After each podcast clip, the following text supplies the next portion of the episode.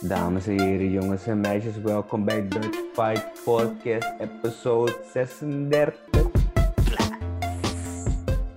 In je beeldscherm. Welkom terug, welkom terug. Uh, we zijn niet zo consistent de laatste tijd met de, de, de podcast, maar het komt helemaal goed. We proberen allemaal grote dingen te doen. Uh, zoals jullie hebben gezien, we hebben de evenementen van Versus MMA hebben we opgenomen en die staan bij ons op de website. Daar was onze focus even helemaal op. We komen ook de laatste tijd proberen zoveel mogelijk video-items uit te brengen om jullie te blijven entertainen en te informeren. maar in dit geval, nu zijn we weer even terug. Jam-packed episode met vier vechters. Uh, op de episode voor jullie speciaal. En um, we gaan niet te veel woorden verder uh, hier aan vuil maken, want we hebben nog een uh, lange episode te gaan. Dus ik introduceer jullie direct aan de eerste gast. En die is Danny Buwalda. Die vocht bij Versus MMA 3. Die heeft helaas een partij verloren uh, via armbar. Die partij kan je ook terugzien op Dutch Fight Network YouTube page. Nou, met hem praten we natuurlijk over wie hij is om jullie te introduceren en over zijn partij en natuurlijk ook zijn toekomst. Check it out. Nou, dames en heren, we zijn hier met uh, amateur MMA-vechter Danny Buwalda voor de eerste keer op de podcast. Hoe gaat het, man? Goed, man. Goed, man. Bedankt. Uh, thanks for having me. Weet je, uh, ik heb ernaar uitgekeken en ja man, ik heb er zin in. Dus uh, laten we lekker beginnen. Ja, het is mooi. Opstormend talent. Ik bedoel, die, die krijgt niet genoeg aandacht, vinden wij. En daarom zijn we er ook. Want we vinden dat we de spotlight moeten richten op iedereen in de game. En vooral de jongens die op en coming zijn. Je bent ook super actief bezig uh, in de scene sinds je bent begonnen. Maar voordat we alles, door alles heen gaan, je bent voor de eerste keer op de podcast. Uh, wat we ook altijd iedereen vragen, de eerste guest is, uh, we willen je leren kennen, dus kan je jezelf eerst even voorstellen? Ja, nou, ik ben Danny Buwalda, uh, ja, MMA-vechter, racket 831 momenteel en aankomend talent. Ik, ja, ik wil me graag gaan plaatsen als een van de opvolgers voor ja, voor de UFC, Bellator, uh, One Championship, overal waar kan man. Um, we hebben in Nederland gewoon superveel talent. En uh, ja, als we nu naar de top kijken, uh, zie ik nog niet echt opvolgers helaas. Dus um, ja, ik wil me daar graag ja, gaan plaatsen en meten op, op internationaal level. Dus ja, dat ben ik. Um, voor de rest werk ik als fysiotherapeut. Dus ik, ben, ik ben eigenlijk altijd bezig met sport, het lichaam, blessure. En uh, ja, het fascineert me gewoon uh, ja, wat wij als mensen kunnen. En ik denk dat, ja, dat we een hoop, ja, dat we meer kunnen dan dat heel veel mensen denken. En, dat wil ik ook graag laten zien. Tof man. Dat, ook, dat je ook dat ernaast doet eigenlijk, of dat dat je werk is. Ja. Hoe, hoe, hoe is MMA eigenlijk op je pad gekomen? Ja, uh, poeh. dan gaan we echt ver terug. Uh, ik kom eigenlijk uh, ja, uit de vechtersfamilie. Mijn, uh, mijn vader die, uh, die is ja, tweede van Nederland met karate geweest. Die heeft op de Europese gestaan. Dus die, die is al van jongs een knokker geweest. Ja. En dat heb ik eigenlijk een beetje met de paplepel ingegoten gekregen. En, ehm, Start hij dus ook met karate? Ehm, nee, ik ben volgens mij begonnen ergens met judo. En toen ben ik eigenlijk alles afgegaan, man. Dus ik, ik ben een beetje richting het kickboksen gegaan. Uh, uh, ja, poeh. Dat is wel even geleden. Taijutsu heb ik gedaan. Een hoop, uh, wat mensen nu zouden zeggen, misschien fake martial arts. Maar ik ben gewoon altijd actief geweest. En um, ja, um, mijn vader die, die heeft gewoon op een dag gezegd van... Hé, hey, mijn oude trainer die, die geeft daar en daar les. Gaan we een keertje langs. En zodoende ben ik toen meegegaan. En toen kwam ik uh, bij de legendarische Appie Echtot. Um, ja, ik denk dat heel veel mensen die naam wel moeten kennen. Of, uh, Als je in de scene zit uh, wel, ja. Die, die draait al lang, lang mee in de game. Ja. weet je, onder andere trainer geweest van Fedor. heeft Alistair ook onder zijn wing gehad. Heeft echt een hoop, hoop, hoop jongens onder de, ja, begeleid naar de top. Musashi bijvoorbeeld. Ja. Dus, maar ja, fijn. Ik kwam bij hem en ja, het sprak me gewoon zo aan. En sindsdien heb ik het eigenlijk nooit losgelaten. En, ja, sinds die dag eigenlijk ook gewoon uh, twee keer per dag bezig. En uh, ja, lekker aan, uh, aan de weg timmeren, man. Oh, je traint ook echt twee keer per dag? Zeker, zeker. Ik, I live this shit. Ik, ik bloed MMA, man.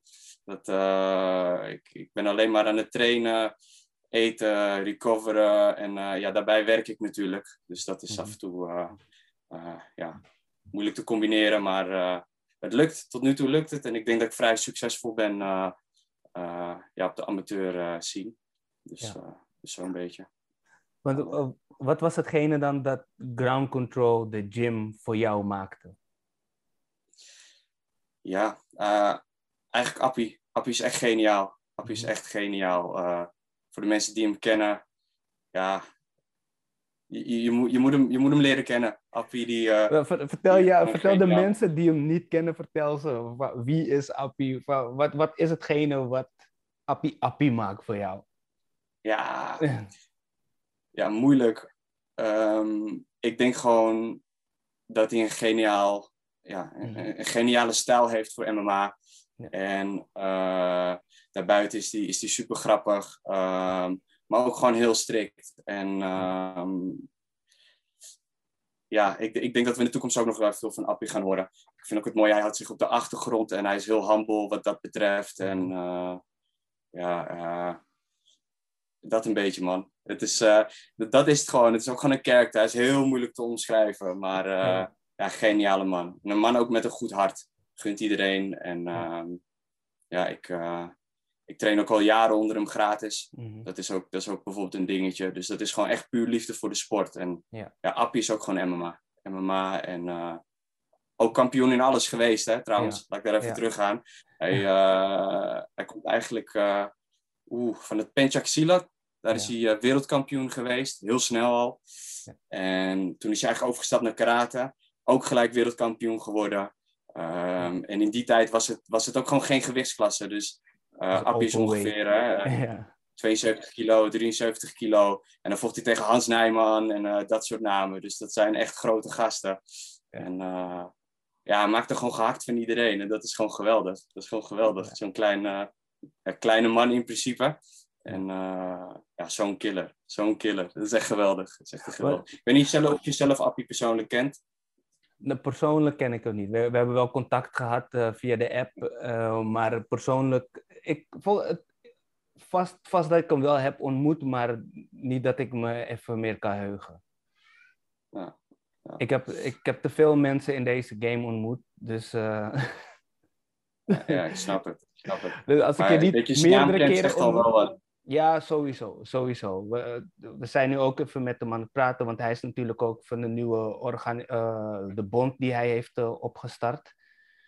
Klopt, de MAAN, uh, ja, de Mixed Martial Arts Association. Nederland, precies, en we, gaan we gaan binnenkort gaan we ook eventjes met hem praten om te kijken wat we voor elkaar kunnen be betekenen. Want um, ja, koppelt eigenlijk direct ook mijn volgende vraag naar, want jij hebt ook aspiraties om naar de grote um, evenementen te gaan, om het zo te zeggen. Maar ja, uh, de vraag is, kan je dat op Nederlandse bodem doen? Volledig op Nederlandse bodem, om het zo te zeggen. Ja, lastig. Um, er zijn gewoon wel een hoop dingen in Nederland die, uh, die denk ik beter kunnen. Um, mm.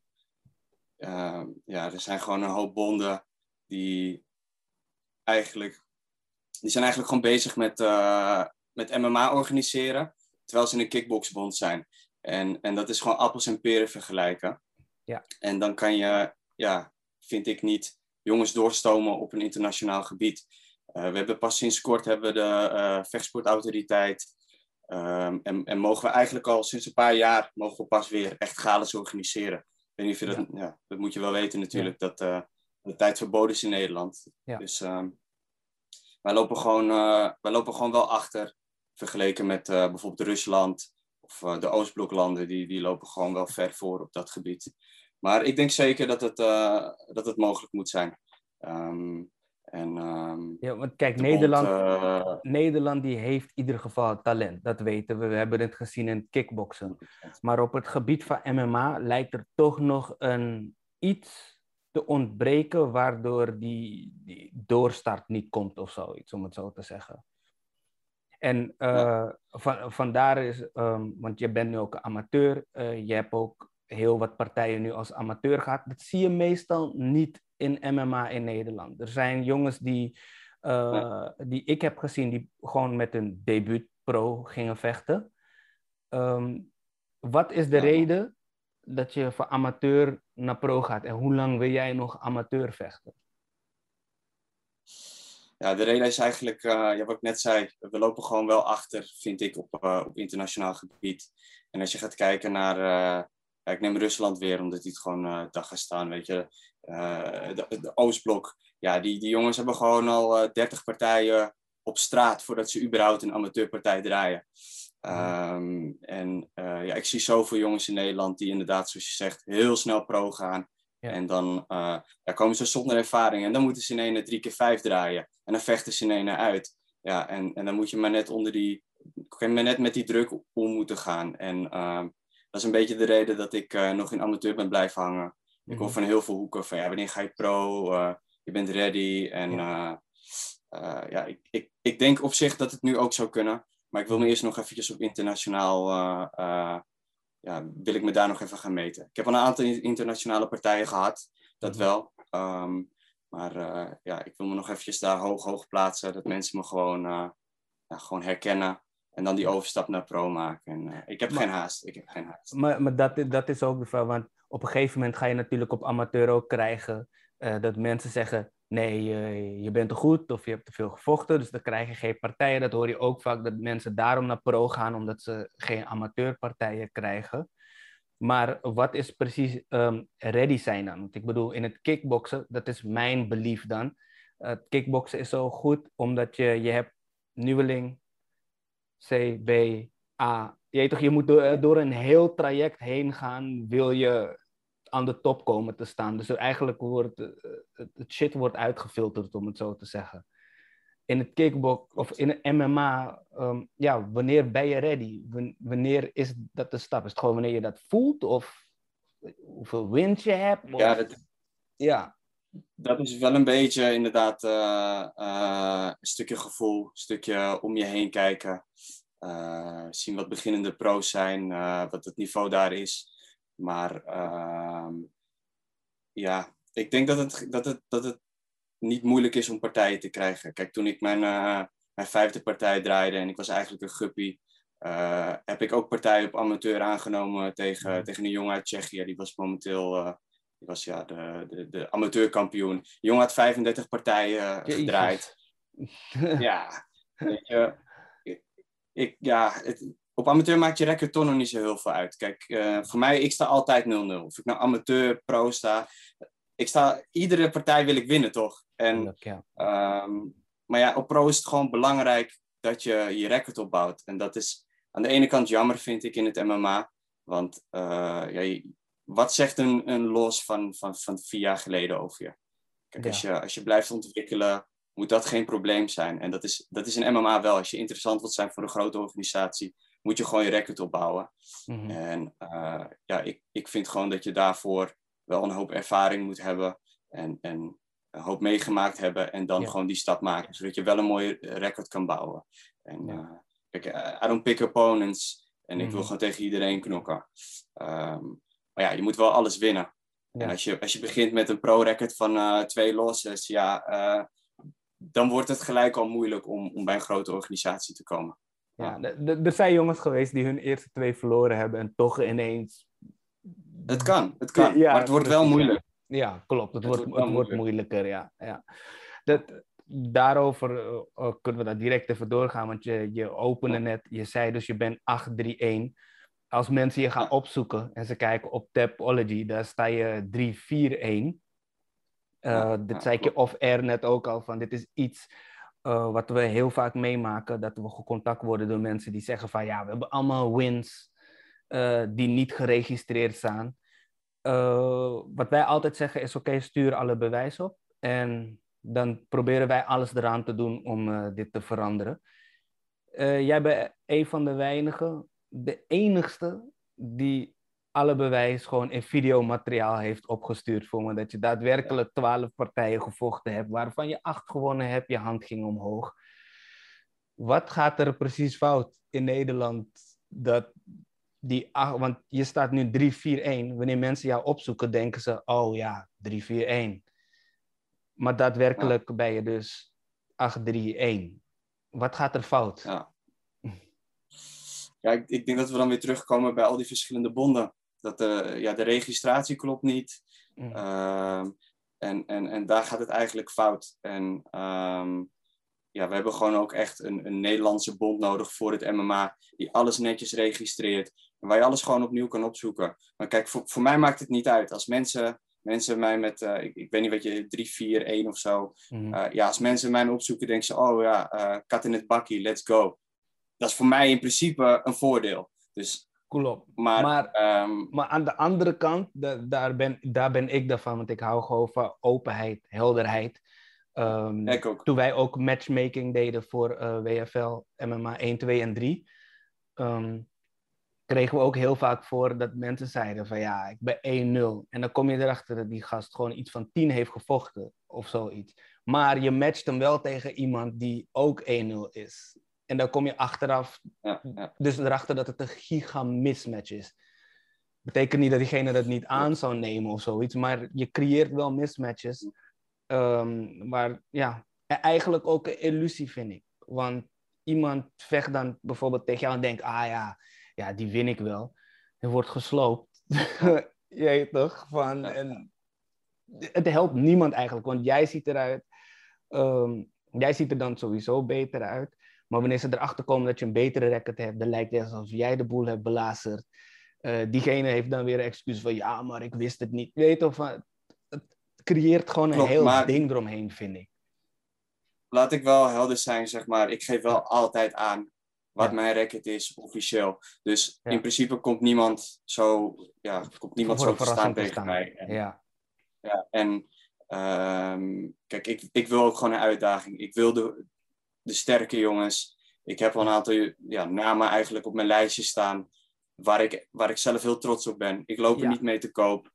Uh, en, um, nee, maar dat is nice. Ja, maar het is wel iets wat mij verbaasde. Want toen ik die lijst van je doorkreeg en ik keek naar die video's, dacht ik ineens van... Hé, hey, wacht even, dat is uh, Raymond... Uh, wacht even, dat is Massaro Glunder van Oké, wacht eens even. Je hebt wel tegen namen gestaan die niet online staan. En het zijn geen kleine namen. Dus het, zorg, het laat wel zien dat je van een bepaalde uh, level bent. En het laat ook zien, net als wat je net zegt, en dat dat wel bevestigt, je voor niemand uit de weg gaat. Je kiest je partijen niet uit. En dat laat dat wel zien. Dus dat, hey, toch? Het is alleen maar eerlijk als dat uh, online staat.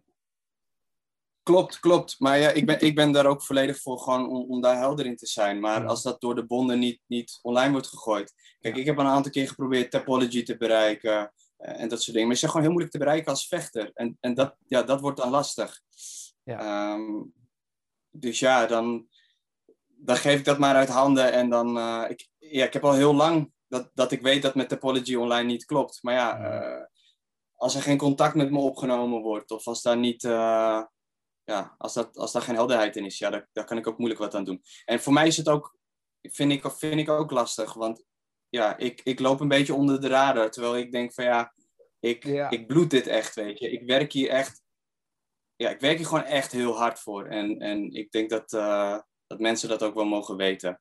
En ja. uh, zo, zo zijn er een hoop jongens in, in Nederland die niet te koop lopen met, met dat ze vechten zijn of dat ze, mm. dat ze mooie winst hebben. Een goed voorbeeld is bijvoorbeeld Melvin van Zuidam.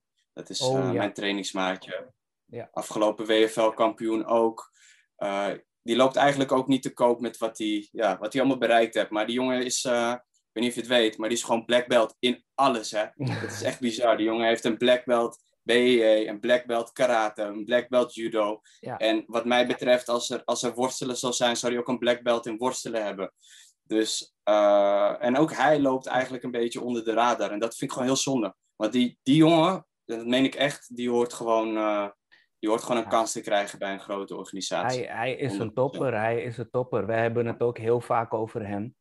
Ehm, helemaal is hij bij ons vaak op de site, komt hij vaak voor. Eh, in de afgelopen twee jaar zeker, omdat het gedoe tussen hem, WFL en uh, Keita, van wat is daar aan de hand? En toen die triangle met Arthur Champagnac, wat bij LFL zal gebeuren, van... Uh, ja, en het is net, net als wat je zegt, hij staat er echt niet te koop mee. Toen we ook de welterweight toernooi hadden gestart bij WFL, toen hebben we natuurlijk veel contact gehad. Toen hebben we contact met Appie gehad, inderdaad. Uh, over uh, Melvin en ook over Niels van Noord tegen Dion Staring. Ja, klopt. Um, dat weet ik nog wel. Ja, nu komt het weer terug eigenlijk. Um, ja. Maar inderdaad, hele rustige jongen, super aardig, super lief, behulpzaam. Echt, uh, ik vind het ook echt een, een topper inderdaad. Maar het is echt een voorbeeld, denk ik. Ja, het, hele... En ik denk ook een van, niet omdat het mijn trainingsmaatje is, hè, want ja. ik ben wel objectief in dat soort dingen. Maar ik denk dat hij gewoon wel echt uh, een van de breedst ontwikkelde uh, ja, uh, mixed martial artists is in Nederland. Zeker, Zeker op zijn gewicht. Ik, ik ken heel, heel weinig mensen die echt all-around zijn. En hij kan gewoon echt alles. En dat vind ik zo ja. gruwelijk aan hem. En ja. ja.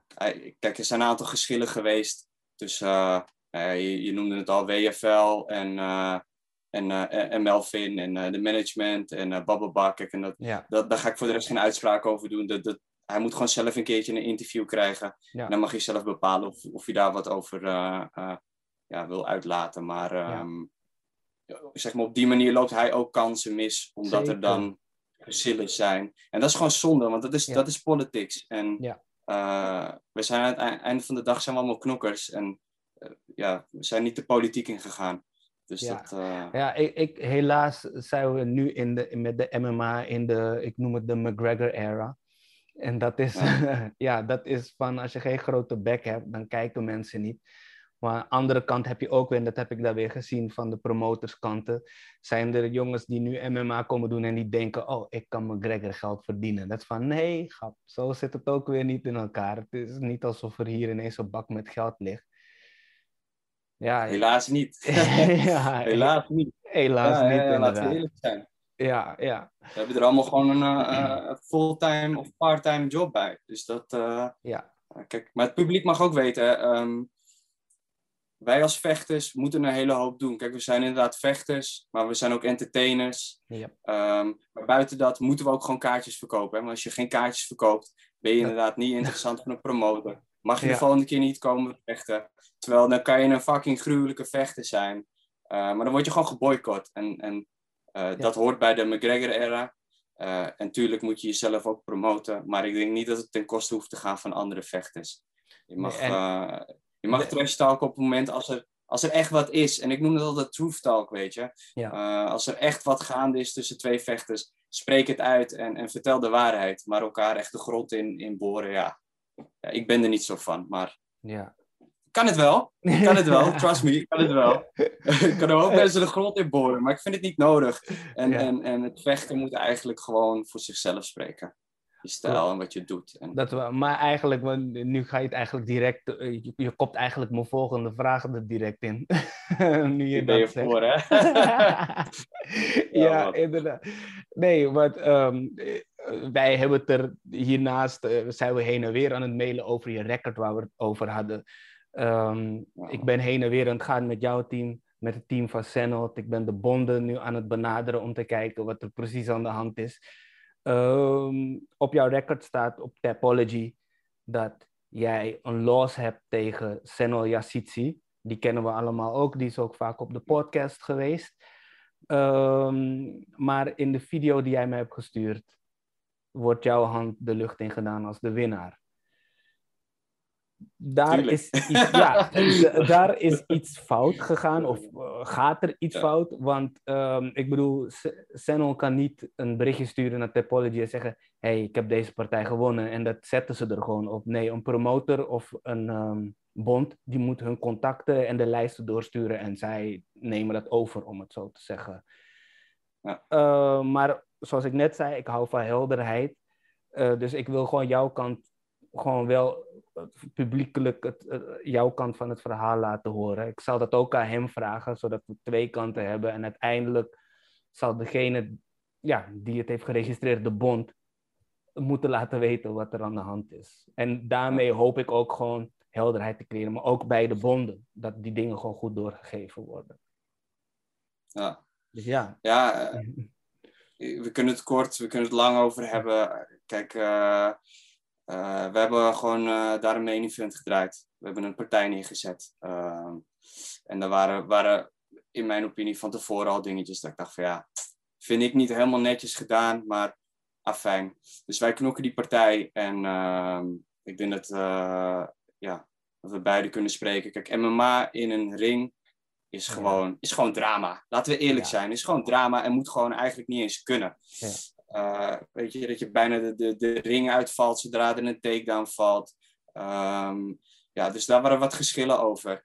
Um, maar uh, ja, ik heb je de beelden natuurlijk ook gestuurd. Ik weet nog niet of je ja. tijd hebt gehad om te, om te zien. Mm. Maar uh, ja, ik, ik denk dat ik hem gewoon goed geëst heb. Um, ik had ook voor de rest, ja, ik had geen schade en en Sennel uiteindelijk wel. Dus ik denk dat dat ook de doorslaggevende factor is geweest. Dat, ik, dat, dat mijn hand omhoog ging. Um, maar vervolgens uh, um, ja, is, is het galen afgelopen en ga ik weg.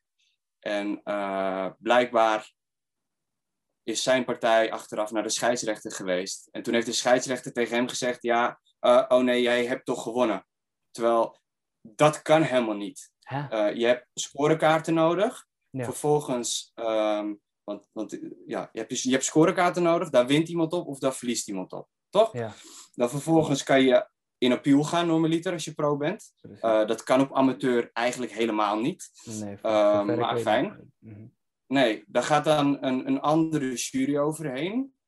Uh, een onafhankelijke jury. En die gaat dan bepalen van ja, uh, is er een fout gemaakt in het proces, uh, in de score. En dat is er niet geweest. Sterker nog, er zijn niet één scorecard. Dat weet ik gewoon. Daarom was mijn, mijn vraag terug aan jou ook. Van ja, uh, um, er zijn geen punten afgetrokken. Dat zie je duidelijk op beeld. Mijn hand is omhoog gegaan. Uh, als er wel uh, punten afgetrokken zijn of de partij is omgedraaid, dan moet dat aantoonbaar zijn op de scoresheets. Dus laat ze de scoresheets maar omhoog halen. En uh, ik, ik weet al, die hebben ze niet. Want die hadden ze daar ook niet. Dus dan kan je ze ook niet opslaan. En ja, dan komen we weer terug op, op bonden die MMA gaan doen. Terwijl die moeten helemaal geen MMA gaan doen. 90% daar was ook kickbox. Dus ik snap ook niet wat er eigenlijk aan MMA gedaan werd. Dus dat, uh, ja. dat is eigenlijk mijn kant van het verhaal. En zover ik weet, uh, ben ik dan ook gewoon de winnaar. En uh, heeft de tegenpartij dat gewoon te nemen. Maar ook daar waren wat politieke geschillen in. En nou ja, zijn headcoach is een, eh, is een naam in, uh, ja, in MMA Nederland.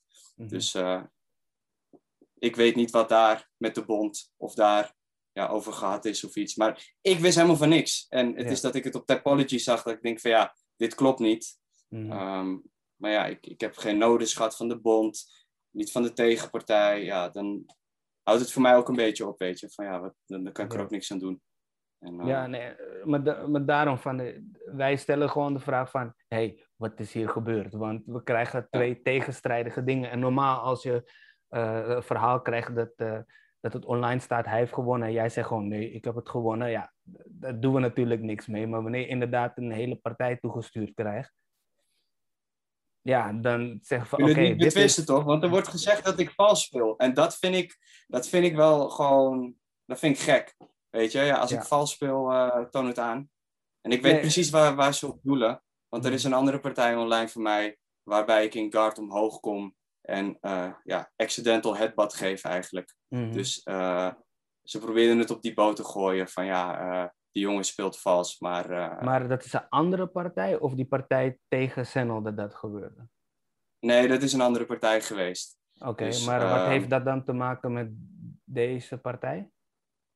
Ja, omdat dat dan gezien wordt hè, van die jongen die jongen speelt vals, het gebeurt vaker. Terwijl dat, uh, dat, het is een incident okay. geweest dat, dat ik een accidental headbutt geef. En het heeft, dat, dat staat eigenlijk los van deze partij. Maar ik ja. weet dat het daarop gegooid is. En okay. uh, ja, dat, eigenlijk, dat is eigenlijk het verhaal. En voor de rest, ja, Nou, we hebben in ieder geval... Het is dan- een pass. Let's Ja. go. Hij, hij zit op mijn gewicht. Ik heb hem toen ook al gezegd. Hè. Ik zei hem in de Mhm. ring. Ik zeg, laten we gewoon een rematch doen. Partij was close. Mhm. Ik heb hem geëdged. Mijn hand ging omhoog. Laten we gewoon een rematch doen. En die is nooit gekomen. En toen is hij pro gegaan. Ja. Ja, ehm, misschien zie ik hem in de pro-regio. ik, eh, ik, ik, dat, ik ben altijd ready. Ik ga niemand uit de weg. Niemand. Niemand niet. Want dat, want Nee. dat eh, ja, hey, je kan ook gewoon zelf praten de hele tijd, want het is ook met, de, he- met mijn volgende vraag. want, ik- want ik- want ik heb die, ehm, ja, ik heb dat natuurlijk ook vanuit hun kamp gehoord van, oké, laten we dan op pro die rematch doen. Eh, hoe sta jij daar tegenover? Van, of denk jij dat je hem sowieso tegenkomt? Maakt het je niet uit? Eh, of zie je dat wel wanneer je pro bent? Eh, ik ben altijd ready, man. En eh, ik, ja, ik zeg, ik ga niemand uit de weg. Dus ook zo'n partij is ook niet uit de weg willen gaan. Ehm, ik denk wel eh, dat hij aan bepaalde aspecten van zijn game mag gaan werken dan. Als hij, eh, als hij denkt van mij te kunnen winnen. Mhm. Ehm, ja, let's do it, man. Ik weet, hij heeft, nu, hij heeft niets van vier partijen gedraaid. Doet het niet heel verkeerd, al is het helaas, dat zeg ik wel, van, eh, helaas aan zijn record is het niet helemaal te zien. Volgens mij staat hij 2-2 of 3-2 of iets in die richting. Ah, terwijl, eh. Hij heeft wel kwaliteiten. Ik ben daar wel eerlijk in. Hij heeft wel Mhm. kwaliteiten. Ik- En eh, ik, ik denk dat het een leuke match kan worden. Maar ik denk dat het voornamelijk leuk voor mij gaat worden. Omdat ik wel denk dat ik, ja, dat ik de betere allround vechter ben. Ja, ja, ja. En dat, dat, dat zeg ik niet om, om arrogant te zijn. Dat zeg ik gewoon uit vertrouwen van... Ik, ik weet, I put in the work. Ik, Ja, maar als je als vechter dat niet zegt, dan is er ook iets mis. Dus, eh, Ja, dus, dat- dat denk ik, dus ja. je hoort dat te moeten denken, vind ik dan weer. Maar goed, nee, kijk, wij, wij zullen hem zelf ook contacten, zijn kant eh, van het verhaal laten horen. Hiermee hopen we een beetje buzz te creëren, zodat ehm, de bonden ehm, wat van zich laten horen. En eh, Ja. ja, mochten jullie elkaar tegenkomen in de future, dan hebben we een mooie storyline om op te bouwen. Ja, dat denk ik ook. Dat denk ik ook. En daarom, eh, ja, ik, ik, ik Ja. denk dat we dan een leuke, dan kunnen we een hele leuke persconferentie neerzetten. En er, er, is, er, er, zit wat, alleen ja, op dit moment hij is pro, ik ben amateur. Eh, Ja. Ja. Weet je, Hey, ik, heb, ik heb mijn ogen op andere dingen, ik heb mijn pijl op andere dingen gericht. En Ja. Of hij nou in de toekomst langs mij komt of niet, eh, I don't care man. Ik, ik ben hier gewoon om de beste te zijn en eh, om, eh, ja, om ergens aan de top te, te komen. En we will see man. We zien wel wat er in de toekomst gaat komen. Ja, nou, ehm, laten we dan eventjes gaan naar twee weekenden geleden, want je vocht, je bent nu een frequente vechter bij de nieuwe organisatie Versus MMA. Je vocht ook, eh, je stond op de kaart Eh, Ja. en ineens was je main event. Hoe was dat? Ja, eh, ja, heel eerlijk. ja. Same shit, different. of Ja? hoe zeggen ze dat nou? Same shit, different toilet. Het, Ja. Het is leuk, het is een eer, laat ik dat wel zeggen. Het is een eer om, om main event te zijn. Maar aan het eind van de, van de dag is het gewoon wanneer vecht je en that's it. En, ik, maar dat geeft dus geen extra pressure voor jou. Nee, voor mij niet. Ik ben al een aantal keer main event geweest en eh, ik zie het wel als een eer hoor, daar niet van. Ja. Eh, maar er vielen een paar partijen uit en eh, het hoorde ik eigenlijk op de dag van ja, je bent main Ja. event. Nou ja, let's go, let's roll with it. En, het is alleen jammer dat, ja, dat ik niet meer heb kunnen laten zien dan dat, er, dat ik heb laten zien. Ja, Ja, want Dus, het, het was inderdaad, zo, zoals je zegt, het was een, een, een snelle partij dat je gesubmet werd. Wat ging er in, vanuit jouw opzicht, wat ging er fout? Eh, ik denk dat ik... eh, ik was gretig, man. Ik rook bloed. ik rook echt bloed. Ik was gewoon... eh, ik was uit op een finish. En ik denk ook dat ik ja, wel een overhand was. Ehm, en ik kom deels ongelukkig neer. Ik maak een klein foutje. En ja, hij secured die armbar. En eh, ja, gewoon goed van hem. Goed van hem. Meer kan ik niet zeggen. Ik denk wel dat het het beste is wat hem overkomen zou zijn in die partij.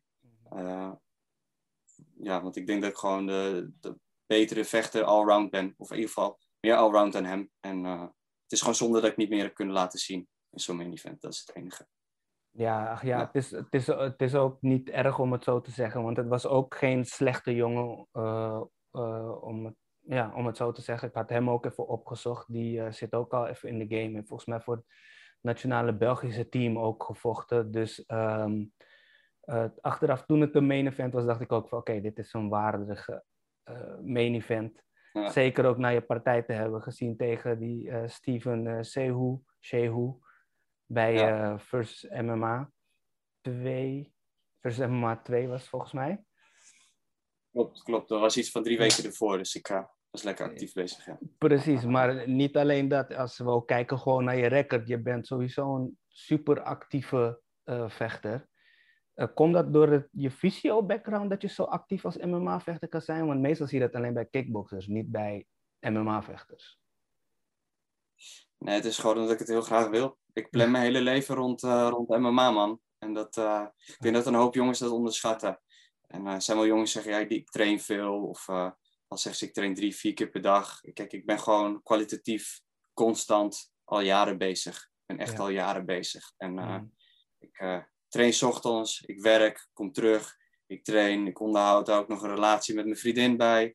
Uh, ja. ik, ik probeer alle balletjes hoog te houden en, uh, ja. uh, en voor de rest alleen maar gaan, man. Gaan, gaan, gaan. Want iedere stap. Of iedere, ieder gevecht is gewoon een stap dichter bij mijn goal.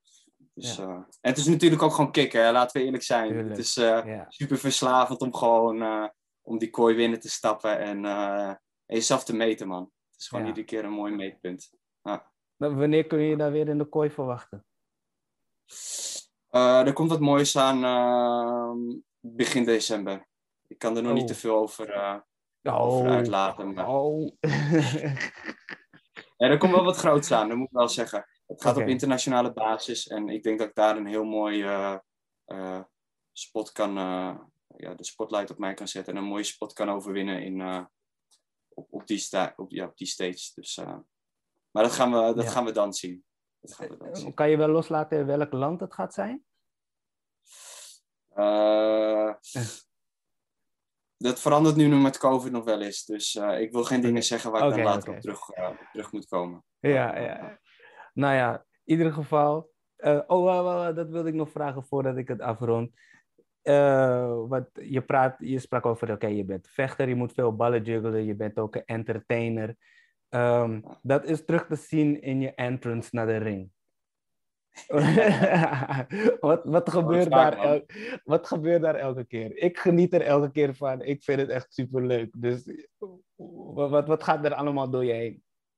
Goed om te horen, man. Dat, uh, ja, dat, dat, is gewoon mijn moment, man. Dat is. Uh, um, ja, ik, ik, ik, dan voel ik me echt vrij. Dan komt echt gewoon. Komt Danny naar buiten en dan. Uh, uh, ja, voor de mensen die het nog niet gezien hebben, ik, uh, ik gooi wat moves.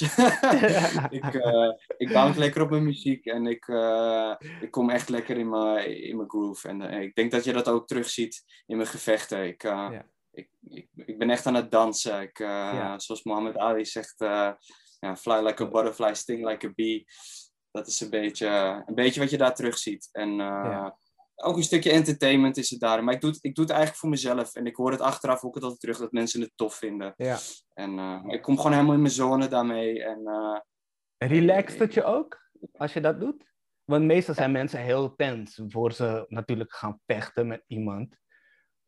Kalmeert ja, dat kijk, je ik, ook? Ik, ik, nou, kijk, ik heb dat in het begin gehad, dat ik, dat ik tens was. En, Maar eerlijk, ik voel niet zoveel, man. Ik voel niet zoveel. Ik, ik, ik weet wat ik kan en, en ik kom op en dan ben ik eigenlijk heel rustig. En ik denk dat dat ook wel het verschil tussen mij en, en andere vechters maken. Andere vechters die, die zie ik zichzelf opfokken en gaan en ik, ik kan gewoon mezelf daar zijn.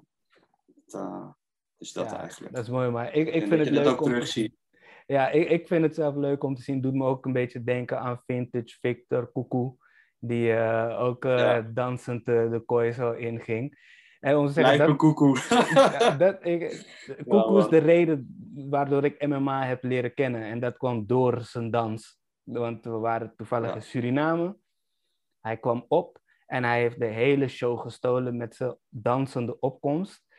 dat iedereen dacht van, hey, wie is deze gast? En toen sloeg hij die gast toevallig met de flying knee knockout in de eerste 10 seconden. Dus toen was iedereen helemaal een lijp. En toen had ik iets van, hé, hey, maar hij sloeg door op de grond. We zaten op kickboxgala. Van, iets klopt niet. En zo heb ik MMA leren kennen en ben ik daar helemaal ingerold. Dus het brengt mij helemaal terug en ik vind het gewoon uh, dope om te zien.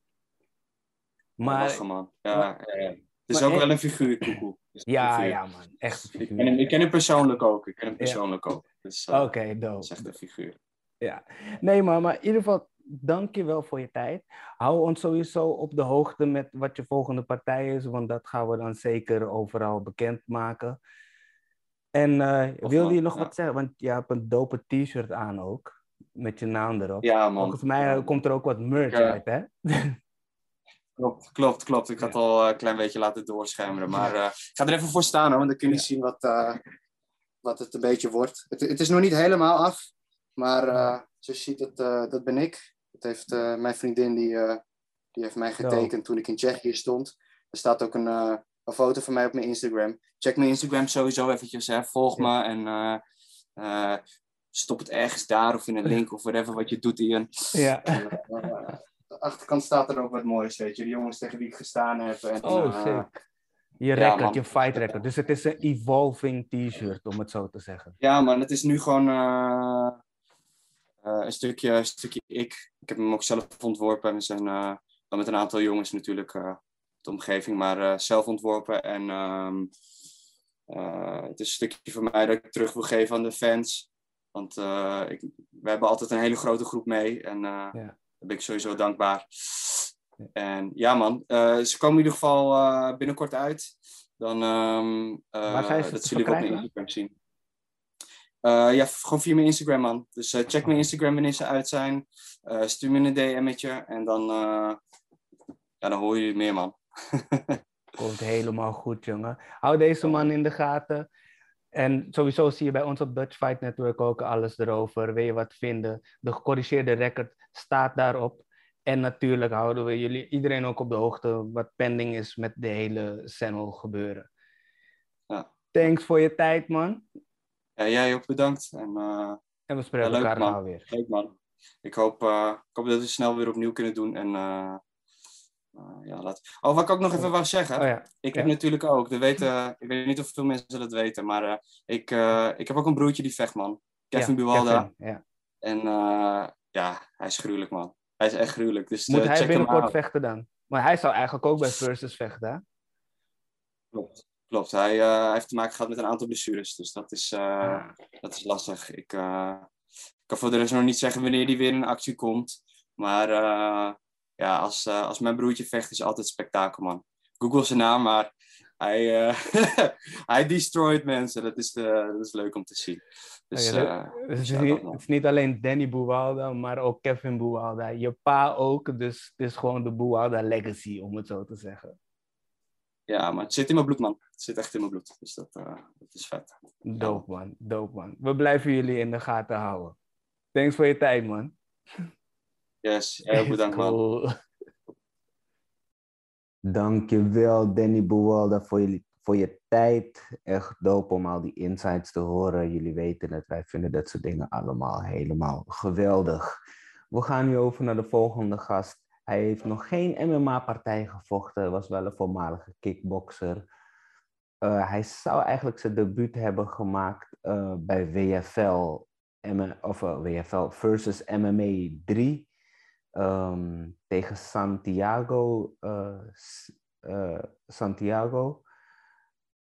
Maar dat is helaas door COVID niet doorgegaan. Um, hij zit nu wel te loeren om wel weer zijn comeback te maken. Hoogstwaarschijnlijk bij WFL. Als het doorgaat met de nieuwe reglementen, weten we allemaal niet. In ieder geval hier het interview met Burak Ilgin. Oké, dames en heren, we zijn hier op de podcast natuurlijk met een MMA-debutant of iemand die zijn MMA-debuut gaat uh, maken binnenkort. Burkan Ilgin. Alles goed? Burak Ilgin, hè? Burak. Oh, Burak. Ah ja, ik lees het gewoon verkeerd. Burak Ilgin. Alles goed, man? Ja, man, uh, net gedaan met werken. Ik heb uh, twee banen, dus naast mijn MMA-carrière ben ik ook een werklustende man. Ja. Werken is belangrijk natuurlijk, geld nodig. Dus, ja. En, en, wat doe je dan voor werk? ik werk part-time bij de McDonald's. Ja. En tijdens de weekend werk ik bij de pizzeria in Antwerpen. Ah, nice, nice, nice, nice. En daartussendoor vind je al je tijd nog om te trainen? Ja, natuurlijk. Ja, ik ben een jonge man, ik heb uh, veel energie. Dus uh, het is uh, de, wil, de wil die mij motiveert. Dus, nice, goed man. Hey, maar voor, voor iedereen die voor de eerste keer op de podcast is, vragen we diegene af om zichzelf even voor te stellen. Dus zou je even jezelf kunnen voorstellen, wie ben je? mijn naam is Boerak Ilgin, ik ben 23 jaar oud. Ik ben van België, Antwerpen. Ik ben een voormalig A-klasse kickboxer. Ik heb al vier jaar geen wedstrijden gevochten. Ik heb me volledig voorbereid voor mijn MMA-debuut. Uh, dat wordt een pro-MMA-debuut. En uh, dat is uh, de grootste doel in mijn leven momenteel. Oké, okay, dope man. Ik zie ook op je Facebookpagina staat er dat je een vechtkunstenaar bent. Wat houdt dat ja. precies in? Nou, ik weet niet hoeveel mensen deze podcast gaan kijken, maar ik ga gewoon zeggen wat ik voel hier. Ja, elk vechter heeft zijn eigen vechtstijl. Dus zijn eigen kunstwerk. Je hebt kunstwerken die miljoenen waard zijn en kunstwerken die helemaal geen waarde hebben. En hoe groter de kunstwerk, hoe groter de kunstenaar. En hoe, mijn vechtstijl is geweldig. Ik heb 47 wedstrijden in een kickbox, alleen drie verloren. Dus ik heb heel veel wedstrijden gewonnen. Dus de vechtstijl is zo moeilijk te winnen dat, het, dat, ik, mijn vechtstijl een kunstwerk noem. En dat ik eigenlijk een vechtkunstenaar bent met vechten, je grootste wapens zijn je hersenen, dan je ogen, niet je handen en vuisten. Je hebt een uh, gezonde verstand nodig. Het is niet, het is, uh, het is niet zomaar van uh, agressief zijn, nee, het is, je doet het met je hersenen. Ja, maar wat, je hebt zoveel um, kickboxgevechten gevochten. Wat is de reden dan dat je die switch naar MMA wil maken? heel simpel, geld. heb je en, hoe zou dat dan? Wat, wat, heb je het idee dan dat er... Niet alleen het geld, hè. Mm -hmm. Niet alleen het geld, maar je moet ook met het trend een beetje meegaan. Hè. Kickboksen is al sinds 2014, 15 niet meer zo groot. Je hebt alleen Infusion en Glory. Maar ja, Infusion is uh, voor mij een organisatie waar uh, twee jongens van Nederland tegen elkaar vechten. Van Rotterdam en Amsterdam. En de winnaar wordt wereldkampioen. Ja, waar slaat dat op? Wil je de beste worden, dan moet je naar Filipijnen gaan, naar Amerika gaan. En bij MMA is dat mogelijk. Bij MMA kun je sneller groeien. Als, ik kan heel snel groeien. Ik zie mezelf na drie, vier pro-partijen al direct bij de UFC vechten. Oh, hoe, hoe wil je dat voor elkaar krijgen? Dat, dat is uh, de, hoe, je, hoe je wedstrijd vecht natuurlijk. Hè? Ja. Als, je, als je tegenstander 15 minuten vasthoudt, of als je een uh, slechte vechtstijl hebt, gaat dat lukken. Maar als je entertainer bent en je slaagt ze snel knock-out, zoals mij, zoals ik het doe, dan, uh, en als je veel praat, groot praat en achter staat en het maakt, dan is het altijd een kans om zo snel mogelijk de top te bereiken. Zeker bij mijn gewichtklasse bij de flyweight division. Ja. Er zijn heel weinig mannen op de 57 kilogram, dus je kunt sneller groeien. Zeker. Ja, ja want uh, uh, je geeft dat net aan, inderdaad, er zijn twee grote organisaties, dat is Infusion en Glory. Waren die op je pad voor, voordat je besloot om naar MMA te gaan? Infusion wel, ja. Vier jaar geleden, toen was ik 18 jaar, Infusion wel. En maar heb je daar ook gevochten? Eenmaal. Ah, oké, okay, oké. Okay. Maar het was dus niet interessant genoeg om door te blijven gaan daarin? Uh, nee, nee. Oké, ja, je zei net zelf ook, want dat was ook een vraag die ik had, van hoe zou de switch naar MMA? Je zegt dat dat ook een beetje de trend begint te worden. Denk je dat het ook zo is met je mede uh, kickbox uh, collega's, om het zo te zeggen? Want je ziet het heel vaak gebeuren. Net als laatst uh, Jason Wilnes, die is overgestapt naar MMA.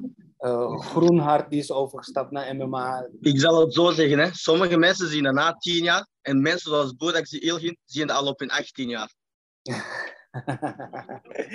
ja, zo kan je het ook zeggen.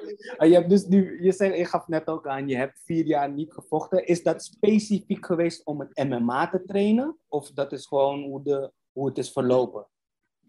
Uh, wanneer je 18 jaar bent, ben je net gedaan met school. Je gaat ofwel verder studeren of je hebt geld nodig. Dus de bedoeling is je leven in balans brengen. geld hebben, een beetje je leven oppakken en dan volledig focussen op vechten. En uh, dat is mijn geluk, dus uh, ik kan me volledig uh, focussen op mijn vechtcarrière. Ja, en, je, en, en dan moet ik me dan voorstellen dat je in die vier jaar dus dan gewoon zwaar op de grond hebt getraind, om het zo te zeggen. Heel, heel, heel veel mensen denken dat ik een thai ben, maar ik ben een hele goede worstelaar. Hele goede worstelaar. En uh, je kunt niet zomaar submissions bij mij doen. Dus als ik bepaalde, als ik heel veel tegenstanders zeggen dat ik staand ga vechten, maar als ik op de grond wil vechten, dan haal ik je neer en probeer ik zo lang mogelijk op je te blijven. dus ik ben een heel goede worstelaar, maar ik heb het nu kunnen laten zien. Twee weken geleden moest ik vechten ja. tegen Santiago Kiriatove, voorzitter van Atlas MMA. En dat is een grondvechter. En ik wou eigenlijk echt laten zien van, dat is een uh, grondvechter en dat ik hem ook op de grond kan pakken. En uh, daar ben ik zeker van. Eh, ben, ben je ook van teams moeten switchen om, om, je, meer te om je meer naar MMA te gaan uh, um, richten, om het zo te zeggen? Of ben je, ben je gewoon kunnen blijven waar je was? Nee, nee, ik ben aan een uh, andere MMA-club overgestapt. Ik heb daar wat getraind. En dan heb ik nog een MMA-club geswitcht. -hmm. Bij Kurt voor Schuren. En nu ben ik daar en ik voel me daar heel goed. Ja, je, je gaf net ook inderdaad zelf aan. Je zou inderdaad hebben gevochten bij Versus MMA uh, 3. Ja. Hoe, hoe is die partij op je pad gekomen? Was je aan het, aan het vissen naar partijen? Uh, eigenlijk zo wel. En, jongens op mijn gewicht zijn al, altijd internationaal. Dus er kwam toevallig iemand tegen. En uh, hij, hij, neemde die partij aan, dus Santiago neemde die partij aan. Ik was heel blij. Hij heeft hard getraind. Uh, ik zag dat wel op zijn foto's. Ik zelf heb ook hard getraind. Uh, hij heeft woensdag afgebeld. Hij had coronavirus. Ah. Dus ik kreeg, een ander, ik kreeg een andere tegenstander op vrijdag. Iemand van Roemenië. En die daagde dus niet op. Dus twee tegenstanders in drie dagen. Ik, ik ben wel vrijdag gaan wegen op 57 kilo. Ik ben gaan afvallen. Ik heb hard getraind, maar ik heb niet kunnen vechten, spijtig. Geen tegenstander. Wat doet dat met je dan? Wanneer je daar staat en diegene komt gewoon niet opdagen. Dat hoor je eigenlijk niet vaak. Uh, bij mij is het van... Allez, ik ben een jongen die veel praat, groot praat. En je moet het ook laten zien. Je maakt veel reclame op social media. Iedereen in Antwerpen vraagt naar mijn wedstrijd. Maar als je dan niet vecht, ja, dan is het toch een beetje irritant natuurlijk. Hè? Klopt, ja. Ja, maar wat, wat doe je dan wanneer je dan hoort... Oké, okay, je vechter is niet opkomen dagen? Uh, ik heb mijn teamgenoten gespot. Hè. Wij, wij gingen met vier vechters. Uh, drie gewonnen, één verloren. Dus uh, mijn team gewoon spotten. Ja, meer kunnen niet doen. Hè. Ja, nou, wat, wat een rollercoaster moet dat geweest zijn. Want ik, ik kan, als ik me goed kan herinneren, was het een gewone fight. Co-main event, main event, tot naar cancelen. Ja. Ja, dan gaat je debuut dan. en, uh, en op een grote gala, een MMA-debuut toe met heel veel mensen die grote connecties hebben. Ja. Dus uh, het was echt het moment van het gaat gebeuren en dan gebeurt het niet. Dus, uh, ja, dat... Maar komt goed, komt goed. Ja, tuurlijk, want het, het, het, is niet het einde om het zo te zeggen. Er zijn nog genoeg galas, vooral in deze periode zijn er genoeg galas om weer terug uh, te keren. Is de partij tegen Santiago nog een partij uh, uh, die op en coming is? Of is dat klaar? bij mij is dat, ik vecht tegen iedereen in de flyweight division. Dus ik ben niet gefocust op Santiago. Misschien is Santiago gefocust op mij. Als Santiago, Santiago wil vechten, voor Santiago ik hoef geen trainingskamp. Ik maak de gewicht heel makkelijk. Ik ben elke week klaar om tegen Santiago te vechten. En ik, heb geen acht weken training nodig voor Santiago. Ik heb geen acht weken training nodig voor geen één flyweight vechter in België en Nederland. Ik ben UFC level en dat wil ik laten zien. Hopelijk zo snel mogelijk. Ja, wat dat is dan de volgende vraag dan. Van, is er alle volgende uh, date op de planning? Uh, hopelijk in december. Ja. Bij WFL. Oh, maar uh, meer, meer weet ik niet. Meer weet ik niet. Uh. Oké, okay, dus je hebt ook nog, oh, nog geen tegenstander. WFL zelf ook nee. nog niks aangekondigd dat het gaat, maar dat evenement is wel zeker. Hopelijk, ja. Allee, de, niemand wil last minute tegen mij vechten. En je hebt ook mensen die na een lange trainingskamp ook niet tegen mij willen vechten. Dat gebeurt ook bij thaiboxen en zo. Dus, uh, maar het, het, komt wel goed. Uh, we vinden wel een weg. Met, ik, ik wou eigenlijk twee weken geleden vechten. Ja. Zodat de mensen met grote connecties mij hierbij konden helpen. Want we hebben hier een wedstrijd, daar een wedstrijd. Maar als je groot praat, maar geen wedstrijd zet, wat de wedstrijd was geannuleerd, ja, ze, ze, ze twijfelen in me, ze vertrouwen me nog niet. En dat is normaal, want ik weet wie ik ben, maar jij weet niet wie ik ben. Of de kijkers weten niet wie ik ben. Dus ik moet het laten zien. Ja. En uh, hopelijk krijg ik die kans en dan uh, wordt de rest makkelijker. Nou, dat is toch. Maar ik heb de juiste mensen. Want kijk, dat is het ook vaak met kickboksen. Uh, heel vaak zijn gevechten zijn niet terug te vinden. Waar kunnen mensen jouw gevechten zien? Om in ieder geval een taste te krijgen van wie ben jij in de ring. Ik, heb, ik had vroeger veel wedstrijden op YouTube, maar ik heb er nu ik heb al, al mijn wedstrijden op mijn kanaal verwijderd. Dus ik heb wel een paar wedstrijden tegen bijvoorbeeld Nederlands kampioen Dimangio Jano. Mm Als je dat kent. ik was toen 17 jaar, A-klasse. En ik vocht toen tegen Dimangio. Dus ik heb die wedstrijd wel verloren. Close fight. Dat kun je vinden. Ik heb tegen wereldkampioen Daniel McCowan gevochten uh, in 2015. Dat is al zeven jaar geleden. Dat was mijn, uh, toen was ik 16 jaar. A-klas. Uh, dus ik, ik had een heel grote jeugdcarrière, waardoor ik snel in de A-klas stapte. hoe, hoe dus oud was je dan toen je begon? Mijn jeugdpartij, 9. Wow, zo vroeg. De, hoe zou die beslissing om zo vroeg te vechten dan? Ja, ik heb een gekke vader. en daarin ben je dan zo doorgerold, om het zo te zeggen. Ja, klopt. klopt. Oh, Maar ja, mijn laatste, ik was 18 jaar bij mijn laatste wedstrijd. Mm Ik was toen een jongen, nu ben ik 22. Dus uh, 23. Dus uh, ik ben uh, tien keer beter dan vier jaar geleden. Oh, sick man. Nou, wat, wat kunnen we allemaal van jou verwachten? Als we, jij mag het beeld nu voor ons gaan schetsen. Jij gaat in december hopelijk gewoon vechten bij WFL MMA. Vertel de vechters, wat kunnen, of de vechters, vertel de mensen, wat kunnen wij verwachten? Uh, knockout. Maar geen technisch knockout. Gewoon laten slapen. Nee, allee, je, je, weet dat nooit natuurlijk, hè, die vraag. Uh, als de tegenstander een goede gast is, dat kan op punten zijn, dit, dat. Maar ik weet zeker dat als ik ga vechten, dat ik ga winnen. Of het een knockout is, een submission of op punten. Ik weet dat ik ga winnen bij mijn volgende wedstrijd. Dat is super dope, man. hey, dan wil ik... Je bent echt super snel door mijn vragen heen gegaan. dus Dank wel, ja. ik wil je in ieder geval bedanken sowieso voor je tijd. Mocht je, weten, mocht je weten dat je gevecht daadwerkelijk plaats gaat vinden, laat het weten, want wij zullen daar sowieso reclame voor maken. En als het goed is, zullen we er ook zelf bij zijn. Dus keep us posted. Laat mensen weten nog waar ze jou kunnen vinden. Je Instagram, je Facebook. Laat mensen weten waar ze je kunnen vinden. Uh, Instagram is uh, Sugar. Facebook is Boerak Ilgin. En uh, TikTok ook, Sugar Boerak. Dus je kunt me vinden. Is goed, man. Ik wens je sowieso succes uh, voor, voor je volgende partij. En hopelijk zijn we er zelf ook bij. Dan zien we je weer. U bedankt, chef. bedankt voor deze kans. Is goed, man. Geen probleem. Werk ze nog, hè? Dank je. Dankjewel, Boerak, voor je tijd. Um, en sowieso werk ze nog. We gaan direct over naar de volgende uh, gast op de podcast. Is een heavyweight slash light heavyweight.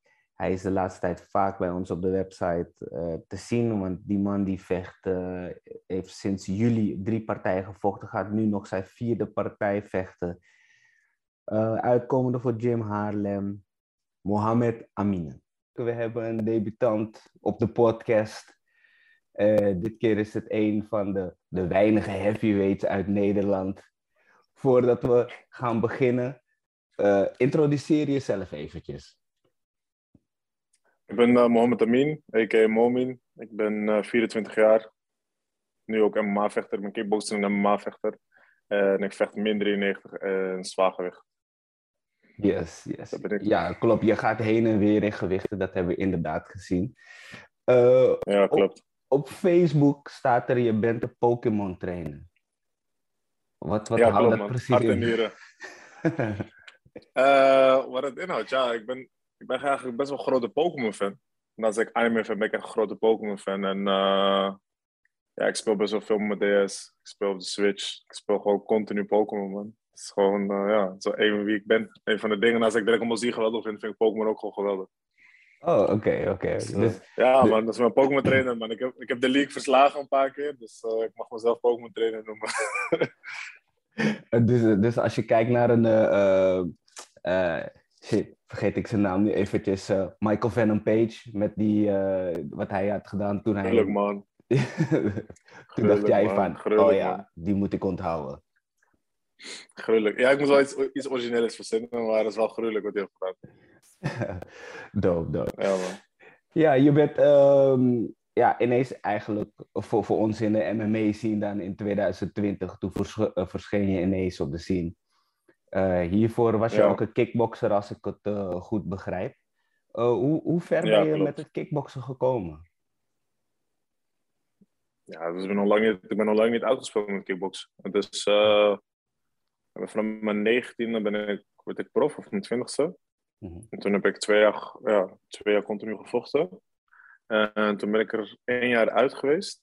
Ja. Maar de overstap naar MMA zat er altijd al in, omdat ik, ik vond het altijd leuk. Ik vond altijd, MMA vond ik leuk, want ik heb mijn eerste, eh, eerste wedstrijd heb ik gedraaid voor Bob Schrijver. En dat is een MMA-school. Ja. Dus ik had altijd al een beetje dat MMA, had ik, had ik er al, vond ik altijd al tof. En toen wilde ik in 2019 mijn debuut maken. En MMA, maar eh, door privéomstandigheden is dat helaas niet gelukt. Dus eh, ja, toen dacht ik, dan doen we het in 2021 meteen goed. Oké, nice. Dus ja, maar, ik, ik- maar als titels in kickboxen, nee, ik heb geen titels behaald of wat dan ook. Maar ik heb wel elk, bij elke organisatie gevochten. Glory, Infusion, Line FC, eh KOK. Dus ik heb wel bij elke kickboxorganisatie wel een keer gevochten. Oké, dope. Dus eh, dat zat er eigenlijk gewoon al in, want eh, ehm, dat wilde ik dus eigenlijk ook vragen. Want je ziet nu inderdaad dat de jongens van Infusion, nu zelfs ook de Glory jongens, iedereen begint nu eigenlijk die switch naar MMA te maken. Ehm, bij, jou zat het er dus al eerder in dat jij wist gewoon van, oké, ik ga die switch sowieso maken. Ja, ja, en ik train altijd al met MMA-vechters. Ik wil, denk 2017, toen werd ik gevraagd om eh, in Zwitserland wat vechters te helpen, waaronder Volkan Oestermeer en uh, Andy Keizer daar ook. En toen leerde ik al bijvoorbeeld dat sprawlen, dat, dat zat er bij mij al in. Ja. bijvoorbeeld met Musashi ik ook heel veel. En die, ja, die, die shoot, takedowns, dat soort dingen. Dus dat sprawlen zat er al in, dat vond ik wel leuk. Gewoon ontsnappen, mijn spelletje doen. En toen zeiden hun al van, ja, waarom doe je niet MMA? Waarom ga je niet nu al MMA doen? Zei ik, nee, ik wil eerst een betere striker worden voordat ik echt een MMA in ga. Dus ik wil in kickbox gewoon veel beter worden. Mhm. Maar ik deed altijd wel een lesje per week. Een beetje grappelen, een beetje rollen, een beetje escape en dat soort dingen. Dat deed ik altijd al. Dus voor mij is dat, was die overstap, ja, het was eigenlijk niet eens een overstap, want ik was eigenlijk al stiekem al eigenlijk altijd bezig. Maar wat je, wat je zegt, ja, je ziet nu de laatste tijd, is, eh, iedereen is MMA-vechter. Ja. Maar ik denk dat ze vroeg of laat wel door de mand vallen Mhm. denk ik. Want je kan, je kan cheat. Je kan niet, je kan niet cheaten. Je kan Mhm. niet cheaten. Dus kijk, hier, met het, het, het grapje met het staande werk is, je kan staan, kan je het winnen. Maar wat, nou- wat doe je nou als, het op de grond, eh, als je op de grond komt? Snap je? ja, precies. Dat is het. Ja, Ja, want- eh, ja, al een tijdje bezig, man. Ja, want je, je zegt net ook van, je bent nog, ook nog niet klaar met kickboksen. Dus je bent ook weer van plan om alsnog weer ook te gaan kickboksen. Ja, zeker. Kijk, het is bij geluk bij ongeluk. Zoals eh, met, met de corona en zo. Eh, ik heb dit, begin dit jaar heb ik wel gekickboxd. Heb ik twee wedstrijden gekickboxd. Eh, ik zou eigenlijk zou ik be- eh, begin dit jaar, eind vorig jaar, begin dit jaar, zou ik eigenlijk MMA eh, vechten. Maar ja, toen kwam lockdown en et cetera. En toen was alles weer klaar in Nederland. Toen hebben we nog Ja. in lockdown lopen trainen. Ja. En toen kwamen ze met een aanbieding van, hey, wil je in het buitenland vechten? En dacht ik, ja, we moeten wel bezig blijven. Dus heb ik een kickboxpartij, heb ik, heb ik kickboxpartijen gedraaid.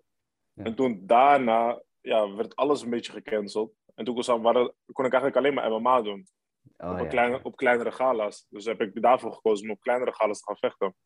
Ja. En ja, tot eigenlijk nu, nu zaterdag om vier, ja, de laatste vier maanden, vier, vijf maanden, heb ik echt eh, alleen maar MMA-partijen gedraaid in Nederland. Ja, klopt. Ja, maar je, je begon je MMA-carrière, je zei net zelf ook, ja, je valt op de vand, op, op, uh, door de mand als je niet uh, weet wat je op de grond moet doen. Je, Ja, man. je, je MMA-debuut, om het zo te zeggen, dat was toen bij Akira FC uh, 2 tegen klopt. Carlo Vrolijke. Of nee, het was niet bij 2, het was volgens mij bij je eerdere. Maar je won die partij ook Oh ja, dat was... dik op submission. Ja, er stond submission, maar dat klopt niet. Dat is een foutje Oh, die ze hebben gemaakt. Eh, nee, ik ben, geen- ik ben geen submission specialist. Ik, Oh. eh, ik won op uh, TKO. Trap op zijn lichaam. Ah. Maar dat was wel, voor mij was dat een meet, dat was voor mij best wel een meetmoment, omdat die Carlo, eh, Mhm. ik zocht hem op en ik zag dat hij een judo-achtergrond had. En dacht ik, oh, hoor je toch? Ja, ja. dacht ik, oh, dat is wel verspannend. Dat is wel verspannend. Maar voor mij was ook, ik had ook heel lang niet gevochten. Dus, dus, dus die partij duurde ook maar drie minuten, omdat het amateur was in plaats van vijf minuten. Dus, dus, de eerste, eerste ronde was even voor mij gaan aankijken. Ja. En uh, zat er gewoon dik in. Ja. Zat er gewoon dik in. Eh, voor mij was het aankijken, maar je zag dat ik niet scherp was, maar ik had lang niet gevochten. Dus elke stoot zat er niet volop. Dus op, hij glipte er net door. Alles glipte er net door. En toen na de eerste ronde, toen zei ik tegen mijn trainer, ik zeg ja, maar dit wordt hem. Toen zat ik er helemaal in. Toen dacht ik van, die, die toen zat ik er ook in. En toen ging ik ook meteen aanzetten. Toen zag ik paniek in zijn ogen. En toen trapte ik op zijn lichaam en toen lag hij op de grond, maar ik loop weg. Toch, met kickbox stil op weg, je trap iemand neer. Ja, gewoon die tien maar tellen. hij, ja, maar hij herstelde er niet van. Hij herstelde er niet van. En toen uh, zou ik eigenlijk een maand daarna nog een amateurpartij draaien. En toen kwam uh, lockdown, man. In 2020 was dit, Jan. Mm, en, en is dat ook de reden dat je daarom ook direct na die partij pro begon te vechten? Nee, want ik wilde eigenlijk nog twee amateurpartijen draaien. Ik had uh, met, Volk, met Volkan Oezemir gesproken. En die zei van, ja, pak zoveel mogelijk amateurpartijen. Maar ja, er was niks. Dus ik dacht ook van, op een gegeven moment dacht ik van, ja, weet je... Ik gooi mezelf gewoon in het diepe en ik ga gewoon lekker prof vechten. Ja. En uh, ja, dat heb ik mijn debuut, profdebuut, juli, was augustus. Ik weet het niet meer, man. Ik denk in juli, volgens mij Juli, juli, juli. september, augustus. Ja. Ja, juli was tegen, Ja. eh, was ook, was ook, ik zou eigenlijk een rematch Tegen- tegen Carlo Vrolijke. ja. Want, Carlo hoe, want, Vrolijke zou ik een rematch doen. want hoezo zou je Ja, eigenlijk... die is geblesseerd. Die is Ah, geblesseerd. Die, is nog steeds, die is nog steeds geblesseerd. Die zei dat hij toen twee maanden later zou kunnen vechten. En eh, nou, twee maanden later kwam en toen was hij nog steeds geblesseerd. Dus ja, ik, ik weet niet in hoeverre hij geblesseerd was. Maar hoezo Maar- wilde je eigenlijk direct... Want, want je, was, je had dus je amateurpartij tegen hem gehad. Hoezo wilde je dan direct je pro-partij, direct al een rematch? Nou, ik had begrepen van een promotor dus dat hij eh, eh, om, om, een, eh, om een rematch vroeg. Dus hij vroeg om een Ah. rematch. Hij wil, heel, hij wil nog een keer vechten. Dus ik dacht van, ik, ik dacht, ja, kijk, ik, zeg nooit nee. Dus ik, hij zegt, ja, die jongen, die Carlo Vrolijke, die wil wat, ah, er waren niet, waren niet veel jongens in mijn gewichtsklasse in Nederland. Er zijn niet, zijn zoveel Zijn uit niet heavyweights. ja. Ja. Dus hij zei van, eh, wil je niet tegen hem vechten? Dus ik zeg, ehm, ik zeg oh ja, joh, nog makkelijker dan. ik zeg, eh, de, blue, de blueprint was er al. Dus eh, ja, en toen had hij, volgens mij twee weken van tevoren, had hij gecanceld. En ja, toen ging Satie zoeken. Ja. Zoeken, zoeken, zoeken, zoeken, zoeken. En er waren echt eh, nog meer afzeggingen. Ik, noem ook, ik ga ook geen namen noemen, maar er waren heel veel afzeggingen. Mhm. Eh, ja, toen kwam hij met een Poolse gast, 124 kilo. Ja, dat Ja. is echt een, gro- een grote gast was dat, ja. Ja, maar dat was wel eventjes. En die had ook, die had ook recent gevochten, dus die had geen, niet lang van, eh, die, die had niet echt last van ringroest. Die had volgens mij een maandje van tevoren nog gevochten. Maar ja, dus dat ja, man. Ja, want je bent, je, je bent begonnen dus in, juli als een pro, om het zo te zeggen. Eh, Mhm. En eh, nu zijn we al gewoon eh, drie KO's verder. En ben je 3-0 als een pro-MMA-vechter. Je laatste gevecht, om het even Ja. daarover te hebben, want je vocht tegen Stanislav Romanov bij Next Romanov, Generation Warriors. Dat Ja. was wel even spannend, man. Eh, ik, ik, ik moet wel zeggen, van, eh, voor waar ik kon zien van die stream, het was niet echt super eh, duidelijk wat ik heb gezien. Maar het leek alsof hij je knock-out had. Wat, wat gebeurde er daadwerkelijk? Nee, nee, nee, nee, nee, nee, nee. Kijk, nee, nee, nee, dat is een beetje, dat is, dat is een beetje de juiste, ang- de juiste angle en dan heb je, heb je leuk beeldmateriaal. Nou, kijk, wat er gebeurde, heel simpel. Ehm, de partij begint. Ja. Ik heb volgens mij met iedereen gewet. Ik zeg, luister, hij gaat één stoot gooien en meteen takedown, direct. Dat gaat hij Mm. direct doen, geloof me. Ja, Dat heeft hij gedaan. Hij probeerde hem naar de grond te krijgen, maar ik, eh, ik had gelukkig een week van tevoren iets nieuws geleerd. Hoe je de takedown beter kan defenden, dus dat ging goed. Maar hoeveel, ik ben heel veel als ik vecht. Dus ik blokkeer hem en ik, ga, ik spring er meteen op. Want Ja. ik wil hem gewoon pijn doen. Mhm. En toen kwam hij weer. En toen sprong ik. En toen zat hij, zat hij zichzelf te verdedigen. En toen sloeg ik hem. Boom, boom. Van onder, van boven. Maar ik dacht van... Ik dacht, ik ga mezelf leegslaan. Ik heb een week van tevoren... eh, lag ik in het ziekenhuis. Maar ik had heel veel last van mijn nieren. Mhm. En ik ben net drie dagen in het ziekenhuis gegaan. En we wilden eigenlijk die partij cancelen. Omdat het eigenlijk, ja, weet je, voor mij, ik werd best onzeker omdat ik drie dagen training eigenlijk heb gemist in mijn laatste, laatste week. Dus ik dacht van, ja, fuck, weet je, eh, misschien niet vechten. Want steeds als ik ging aanzetten tijdens training, kreeg ik gewoon, gewoon krampen en pijn dat ik niet de training kon eh, voortzetten. Oei. Dus ik, die dag voel ik hem ook, Mhm. in, die, in de ochtend. En ik zeg tegen mijn cornerman, die had met me meegaat, ik, ik zeg tegen hem, niet tegen mijn trainer zeggen, want dan gaan ze zeggen van, yo, we moeten die misschien niet vechten. Ja. Ja. Ja, dus ik, maar hoe bovenop hem zit, want ik sta is best wel groot. Volgens mij is hij Mhm. 100 plus kilo en ik ben 394. En ik hou hem vast, bam, bam, bam. En ik denk, uh, ik denk, oh shit. Dus ik sta op. Ik denk, ik ga gewoon opstaan. Weet je, sta maar op, ga gewoon staan weer vechten. Ja. Staan geef ik hem ook weer pak slaag, pap, pap. Hij komt weer. We- Ik, ik sprawl weer, ik, eh, ik, ik verdedig. Maar dan maak ik gewoon een fout die ik eigenlijk nooit maak. En dat is, ik, had, ik ben bijvoorbeeld een tijdje al geblesseerd aan mijn linkervoet. Mhm. En ik gebruik hem niet veel Mhm. omdat ik, ja, hij is al gekneusd in zijn maat, dus ik gebruik hem niet veel. Dus ik dacht, ik ga een beetje aantikken met die trap. Maar ik tik die trap aan, maar echt stom. Die statie heeft niet veel. Dus ik, ik doe gewoon letterlijk rustig mijn benen omhoog. Maar terwijl ik mijn benen omhoog doe, krijg ik eigenlijk een stoot. Dus ik ben uit balans. Mhm. Dat is wat er gebeurt. Maar ja, Ah. weet toch, van achter, van dingen. Ze lijken, oh nee, hij is aan, hij is aan. Ja. Dus ja. ik lig op de grond, ik lig op de grond, hij komt. En ik, ja, ik defend hem een beetje en hij komt bovenop en hij, hij krijgt ground and pound. Maar mijn trainer roept me van, je weet toch, gewoon omhoog gooien. Ja. Maar terwijl hij op mij zit, ik zweer het broer zonder grap, ik voel hem zo hard trekken. Ik denk, ah, niet nu toch. Ik dacht, niet, ik dacht, ik ga toch niet zo verliezen toch. Dat is precies wat ik hem over. Ik dacht, ik ga toch niet Ah, verliezen omdat ik nu last heb. Dus ik, Ja. ik, ik hou vast, ik hou vast, ik kijk naar de scheids. Scheids zegt, laat me het zien. Ik geef hem mijn hoek, pap, pap. Ik vraag, gewoon, ik vraag gewoon om mijn hoek tijdens die wedstrijd hoeveel seconden nog. Ja, ik dacht, dan ga ik, oké. gewoon, ga, ik gewoon uit, ga ik gewoon uitzitten. Ja. Ik ga uitzitten. Nou, hij zegt 20 seconden nou. Oké, blok, blok. Nou, het is niet dat hij... hij, was niet, hij, is niet, hij was niet zo gevaarlijk. Hij me met één elleboog. Mhm. Dus ik dacht, is goed, ik blokkeer. Ja, is goed, we komen de ronde terug. Ik haal diep adem. Ik ben weer zen en toen zat ik erin. En toen, zei, toen dacht ik van, nou, die, dit nonchalante bullshit. Mijn trainer zei ook, dit nonchalante bullshit eruit halen.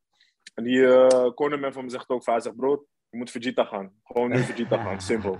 Nou, ik zweer, die partij begint. Die partij begint. Ik fake hem, ik doe een jab, bam. Hij wil shooten. Ik vang hem op met de opstoot. Hij gaat naar de zijkant. Maar toen dacht ik van, nu ga ik niet dezelfde fout maken. Stapte ik terug, had ik mijn handen hoog. Ik dacht, ik ga niet blind erin. Ja, Ja. en toen ging ik hem gewoon uitkleden, man. Lichaam, hoofd, knie, lichaam, hoofd. En ja, op een gegeven moment verde- verdedigde hij zichzelf niet meer. En toen, ja, het zelf gezien. Was de partij Ja. klaar. Ja, oké. nee, nee, dus, Ik heb in ieder geval mensen waar voor hun geld gegeven. Ik heb mensen voor hem, als iedereen ging zeuren, ja, 20 seconden, 20 seconden, 20 seconden. Ik zeg, nou hier, nee, dat is ik waar. zeg Gewoon- meer dan één ronde. Want, want van, van waar ik keek, je, je kijkt en het is echt, het, het is dan echt een heen en weer gevecht. Dat je denkt van, wow, wat gebeurt hier? En dan ineens, dan Ja, ja, kom je, dit is een ground and pound. Dan denk je, oh my god, hij heeft overleefd. Van, eh, hoe ga je het dan de volgende ronde doen? En dan kom je zo terug. Maar al die kleine details wat jij zegt, ook dat je ook eh, de corner vraagt. ehm, je weet toch ook gewoon reageert op de scheids. Ja, Eh, Ja, al die dingen die zag je en hoorde je natuurlijk niet op die stream. Want, eh, want het was best wel van een afstandje. Dus het enige wat je zag is ja. neergaan en, dacht, en een ground pound. En dan denk je echt van, hè? Oké, van... dit is dus... Maar ehm, heb je, ben je al eerder gewoon ook met ki- kickboksen in je carrière in zo'n situatie geweest dat je denkt van, oké, eh, dit kan nu fout gaan? Ehm, ik, had niet, ik had niet echt idee. Kijk, in deze partij had ik niet echt het idee dat het fout kon gaan. Want ik best wel. Ik ken de regels wel in MMA, dus ik weet nou hoeveel stoten onbeantwoord, dan ben je weg. Mhm. En ik, ik, zat hem ook, ik zat hem ook uit. Dus ik hield hem vast. Ik zat gewoon Ja. de tijd uit. Ik bedoel, dat Ja. heb ik zo vaak met trainen gedaan. Als ik tegen een submission specialist zit, hou ik hem gewoon vast. En dan kijk ik naar de tijd en dan zie ik nog 20 seconden. En dan weet ik, volgende ronde beginnen we staan. Snap je? En dat was precies dit. Maar of ik in een, ja, ja ik, ben wel eens, eh, ik ben wel eens neergegaan. Ik heb wel acht tellen gehad. Niet knock-out, maar wel echt acht tellen in een wedstrijd gehad dat ik hem kreeg. En ik dacht van, dan ging ik neer. Ja. En dan stond ik op. En dan ging ik weer, bam, bam, bam, ging ik weer. Dan stond ik weer op. Dus ik begon, heet die man, zoals die man werd zat, zoals die man raakte me zat, die tegenstander. Dan ben ik heet het opnieuw naar voren kwam. Maar ik heb niet echt dat ik eh, in de wedstrijd denk van, oh nee man, dit is de laatste jaren van, ik denk, oh nee man, dit is wel heftig. Ik heb wel altijd volledig controle, want je moet, je moet in Mhm. controle blijven. Maakt niet uit, Ja. maakt niet hoe ver je achter staat, je moet in controle blijven. Het moment dat je paniek gaat krijgen, is het moment dat je partij gaat verliezen. Ik denk nooit aan verliezen. Ik heb, elke partij win ik. Lig ik op de grond, ik win nog steeds. Want ik had zelfs een punt aftrek gekregen in de eerste ronde. Dus ik dacht al, Ja. tweede ronde moet hij knock-out. Of hij moet nu knock-out, of hij moet tweede ronde knock-out. Dus Ja. ik, heb, ik, ik ben zo zeker van mijn zaak dat ik zo vecht ik ook. Ik neem alles, ik neem mijn hele en hebben en houden mee. En Ja. ik ga niet verliezen, snap je? Dus dat die paniekmomentjes heb ik niet. Ik heb geen, ik heb geen paniekmomentjes. Ah, Oké, oké. Zo Ja, verlies je partij in mijn ogen. Nee, ik, ik hoorde nu je vertelde over een paar partijen dat je ook zegt van oké, je in de, de, de break weet je ook gewoon die reset te vinden, even diepe adem in, uit en Ja. eh, we staan weer bij nul, let's go. En tot nu toe heeft het ook voor je gewerkt. Ja, ja. ja. Zeker. We hopen het gewoon, eh, ja, we hopen het, we gaan het ook gewoon doen van elke wedstrijd. Maak het, kijk, ik ga altijd uit van eh, drie rondes, snap je? Mhm. Ik ga altijd uit van drie rondes. Ik denk nooit van, oh, dit is een walk in the park of eh, dit is makkelijk, wat dan ook. Ik, daar train ik niet voor, want dan zou ik eigenlijk niet moeten trainen. Ja. Als ik maar voor eh, 20 seconden train, zou ik eigenlijk nooit moeten trainen. 20 seconden aanzetten kan iedereen. Maar eh, ja, man, eh, dat is de mindset, man. Gewoon knallen. En, maar, want kijk, je je vecht light heavyweight, eh, maar je hebt ook, je hebt, even denken, twee partijen. Ik heb drie heavyweights. Drie Drie heavyweights. heavyweight, ja. Drie heavyweight partijen. Drie heavyweight partijen. Dus eigenlijk Ja, is, is je MMA-carrière nu heavyweight, om het zo te zeggen. Maar Ja, hoezo dat je dan naar, naar heavyweight bent gegaan? Of ga je ook heen en weer? Of hoe moet ik dat zien? Mm, Het is, er er is niet, er is, eh, in Nederland is er dus geen aanbod. Er zijn eh, een aantal jongens tegen wie ik zou vechten. Maar ze, ze cancelen allemaal gewoon. Over, dus die is geblesseerd, of die is dit, die is dat, die is dit, die is dat. En ik zou eens tegen die Arya zou ik vechten. Nou, ik weet dat. Arya een light heavyweight is. Dat weet ik. Mhm. Dus we, spreken die partij op light heavyweight af. Die wilde het niet. Die wil op 97 vechten. Dat is best wel een raar gewicht. Het is gewoon zwaar gewicht. Maar eh, die cancelt dan. En die zegt... ehm, die cancelt dan ook twee weken van tevoren. En die komt met Stas bijvoorbeeld. Ja. En dat is ook 97 kilo. Dus het wordt de hele tijd, wordt de hele tijd gecanceld. Kijk, ik deel natuurlijk niet alles wat wordt gecanceld. Maar Mhm. het liefst vecht ik op light heavyweight. Snap Ja. je? Want nu vecht ik alleen maar tegen zwaargewichten. En de eerste twee jongens waren op 124 en 120. Snap je? Dus Ja. ik vecht helemaal... En Stas is ook zwaar. Stas is ook 100 plus. Snap je? Stas is ook 100 plus. Dus ik vecht alleen maar tegen zwaargewicht. Ik moet mezelf laten zien tegen een... Ik, wil- ik laat al zien hoe sterk ik ben tegen een zwaargewicht. Nu wil ik mezelf laten zien hoe sterk ik ben tegen een licht zwaargewicht. Ja. Dat ik echt laat zien van, is levels to the shit. Mhm. Want als je het eigenlijk zo bekijkt, ik loop op 93 rond. En heel veel boys met wie ik train, die middleweight zijn, die zijn ook 93 kilo. Dus ik ben Ja. gewoon een middleweight die zwaargewicht in neerslaat. Dat is eigenlijk hoe je het kan, eh, ja, hoe je het eigenlijk kan zeggen. Gewoon een, soort van Melvin Manhoef. Nee, gewoon, gewoon, een, gewoon, gewoon een ben gewoon momie. ja. Oké, maar je loopt ook rond op 3,9, dus je hoeft, je hoeft ook niet te cutten dan als je gaat op light heavyweight. Nee man, totaal niet juist. Totaal niet. Ah. En dat is nu, ik had nu met mijn trainer, ik kan nu met mijn trainers erover, met mijn krachttrainer en met mijn, uh, met mijn kickboxtrainer, met mijn staande trainer. En we zeiden ook, ik zeg, ja, dat is eigenlijk voor het eerst dat we eigenlijk moeten wegen. Eigenlijk, dat we echt op gewicht moeten zijn. Want ik moet Ja. 93 wegen aankomen, dus vrijdag. Ja. Dat is eigenlijk voor het eerst dat we eigenlijk weer moeten, op gewicht moeten zijn. Dus dan ga je een klein beetje opletten en denk van, oh ja, oké, dat is niet, eh, even, geen, eh, even geen Oreo deze week. even goed eten. Ja man. Ja, want je, je bent zelf ook een personal trainer. En eh, er komt ineens door in mijn hoofd, want ik keek net toevallig een, eh, een video van eh, Tyson Fury.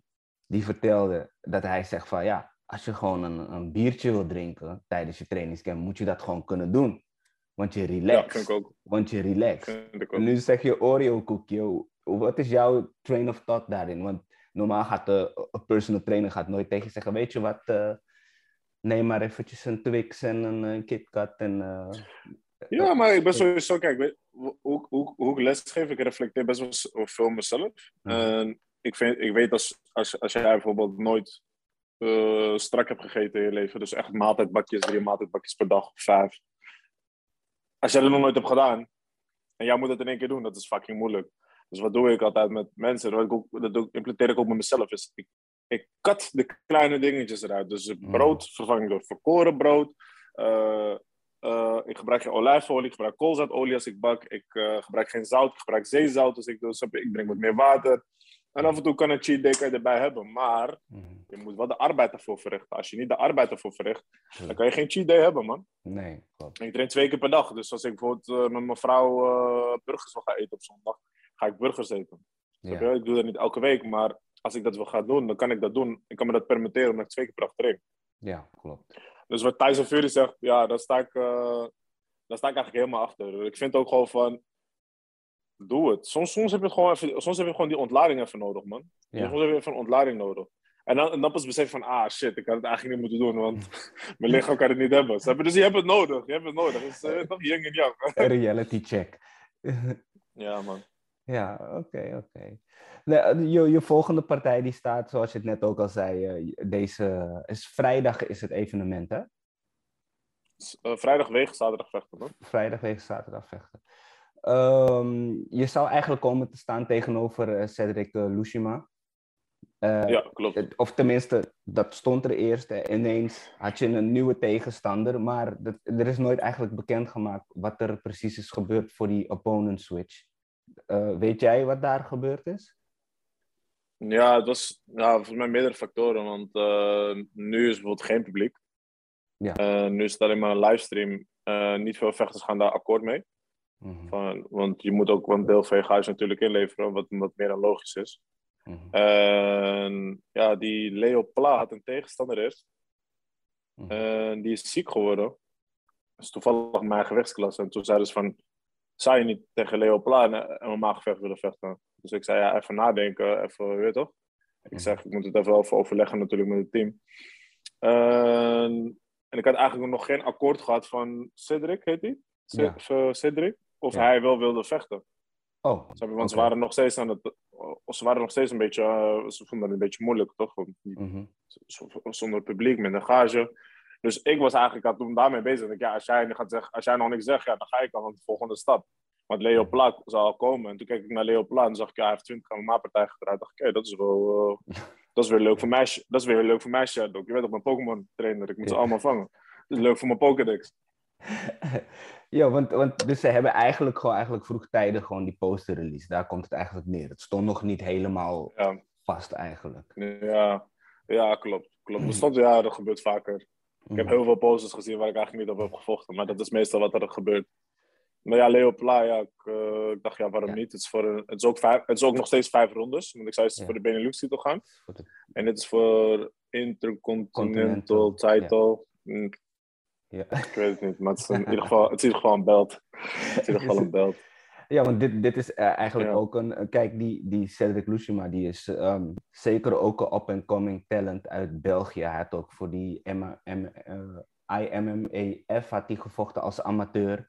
Is zo'n eh, amateur toernooi. ehm, Mhm. dus die, die was ook best up-and-coming. Maar dit is wel echt een hele andere switch. Zoals je zegt, deze man die heeft echt een, een dikke MMA-record. Niet alleen dat, hij heeft ook een kickbox-record. Hij heeft een bare-knuckle boxing eh, Hij heeft ook een record. bare knuckle record. Ja, dat is echt een knokker. Hè. Dus ik denk Ja. dat hij eh, alle, bij alles denk ik 40 partijen heeft of zo. Ja. Die, die Cedric, ik heb wel begrepen van Satis dat hij die partij volgend jaar wil realiseren. Ik denk dat het ook leuk is als er gewoon publiek bij mag. Mhm. En ja, die, die Leo, ja, wat, is, wat interessant is aan die Leo is dat hij gewoon zoveel ervaring heeft. Dus ik vind dat het leuk om te meten met iemand anders die veel ervaring heeft. Mhm. Dus eh, ja, het is wel het is een heel andere koek. Want Cedric staat Ja. rechts voor, deze man staat links voor. Cedric eh, houdt van worstelen, deze man houdt van knokken. Dus ja, dat is, dat is het verschil. Maar wat verwacht je van deze gazelle? Want dit lijkt me echt eh, een, ehm, ja, met respect, een, een cycle. Ja, man, ja, ja, ja, ja, klopt, klopt, klopt, klopt, klopt. Klopt, daar Ja. hou ik wel van. Daar hou ik, wel van. ik hou wel van gasten als ze komen, dat, dat had die Stas ook. Van, kom maar, kom maar, we gaan vechten. Daar, daar hou ik wel van. Dan denk ik ook van, ja, is goed, daar heb, ik er ook meer zin in. En als ik naar zijn wedstrijden, als ik naar zijn wedstrijden kijk, die man is ook van, kom maar. Hij, als je bare doet, is er sowieso iets niet goed hier. Ja. Snap je? Dus dat, is, dat is ja. Dat, ik, ik denk dat hij gewoon echt naar voren komt. Want ik zag ook zijn kickboxpartij. En Mhm. ik denk dat die man 100 low kicks had weggegeten. Voordat hij op knockout won. Maar hij laat wel zien dat hij gewoon vechterstart heeft. En dat hij echt heel graag, dat hij heel graag wil. Ja. Dat, vind ik wel, dat vind ik wel fijn. Want dan kan, ik- dan kan ik echt meten, snap je? Ja, ja. Nee, je, je, als, je, als je deze sowieso wint, dan, dan daar is het echt een perfect jaar voor je geweest. Je bent dan 4-0, je bent dan de Fight Club Den Haag Intercontinental eh, Champion.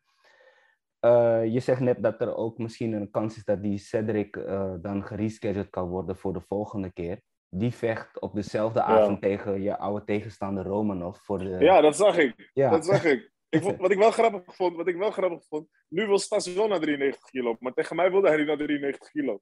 Oh, oh, wat, dat oh, vind ik wel grappig. Dat... Het is op 93, dat heb ik even niet goed gezien. Ja, dus nu wil vecht hij wel 93, maar tegen mij wilde hij niet op 93. Oké. Oké. Ja, maar, je... maar zie, je, zie jij daar zitten om tegen de winnaar dan te vechten bij het volgende even? Want dan kan je eigenlijk een soort van belts gaan unifyen, om het zo te zeggen. Uh, ja, ik kijk natuurlijk, ik weet niet wat volgend jaar brengt. Ik weet niet mhm. wat uh, deze partij uh, naar deze partij brengt. Dus ik kijk ook niet verder dan Leo Pla. Het is mm. leuk dat er, ja, het is leuk, ze vechten waarschijnlijk voor mij, dus dan zal ik wel zien wie wint. Maar ik focus weer nog op Leopola en dan kijk ik mijn hoofd, dan ga ik even relaxen en dan ga ik nadenken van oké, tegen wie willen we begin volgend jaar vechten. Maar ik denk volgend jaar zal genoeg, zal genoeg brengen. Volgend jaar zal echt genoeg brengen qua wedstrijden. Ja, hopelijk. Inshallah, koop het, koop het. Want is, is het ook iets van, ja, je zegt net wel, je, je kijkt maar tot Leopla, maar is het wel dat je wel op de grotere organisaties zou willen vechten in Nederland? Of heb je ook iets van, hey, weet je, hierna wil ik zo buiten Nederland kijken? Want zoals je zelf zegt, um, maakt eigenlijk niet uit op welke organisatie je vecht. Fight Club Den Haag versus LFL, WFL. Het is dezelfde Nee, maakt voor mij... Maakt... Ja. ja, ja. Het is dezelfde pool waar ze heavyweights verhalen. Ja. Ja, het maakt voor mij, voor mij maakt het niet zozeer uit. Want ik bedoel, uh, daarom vecht ik ook bij Fight Club Den Haag. Om lekker gewoon mijn ervaring op te doen. En gewoon uh, ja, de nodige partij te draaien. Ook de nodige rekken te bouwen. Dus het zal mij echt niet uitmaken waar ik vecht. Alles zit bij jou uh, in de tuin of wat dan ook. Mm. Zolang maar alles wordt geregistreerd en et cetera. Ga ik gewoon vechten, snap je? Maar natuurlijk, het doel, het, doel, is om in een grote organisatie te komen. Daar gewoon kampioen te worden. Dus mijn long term mijn short term is gewoon, oké, nu winnen voor iedereen.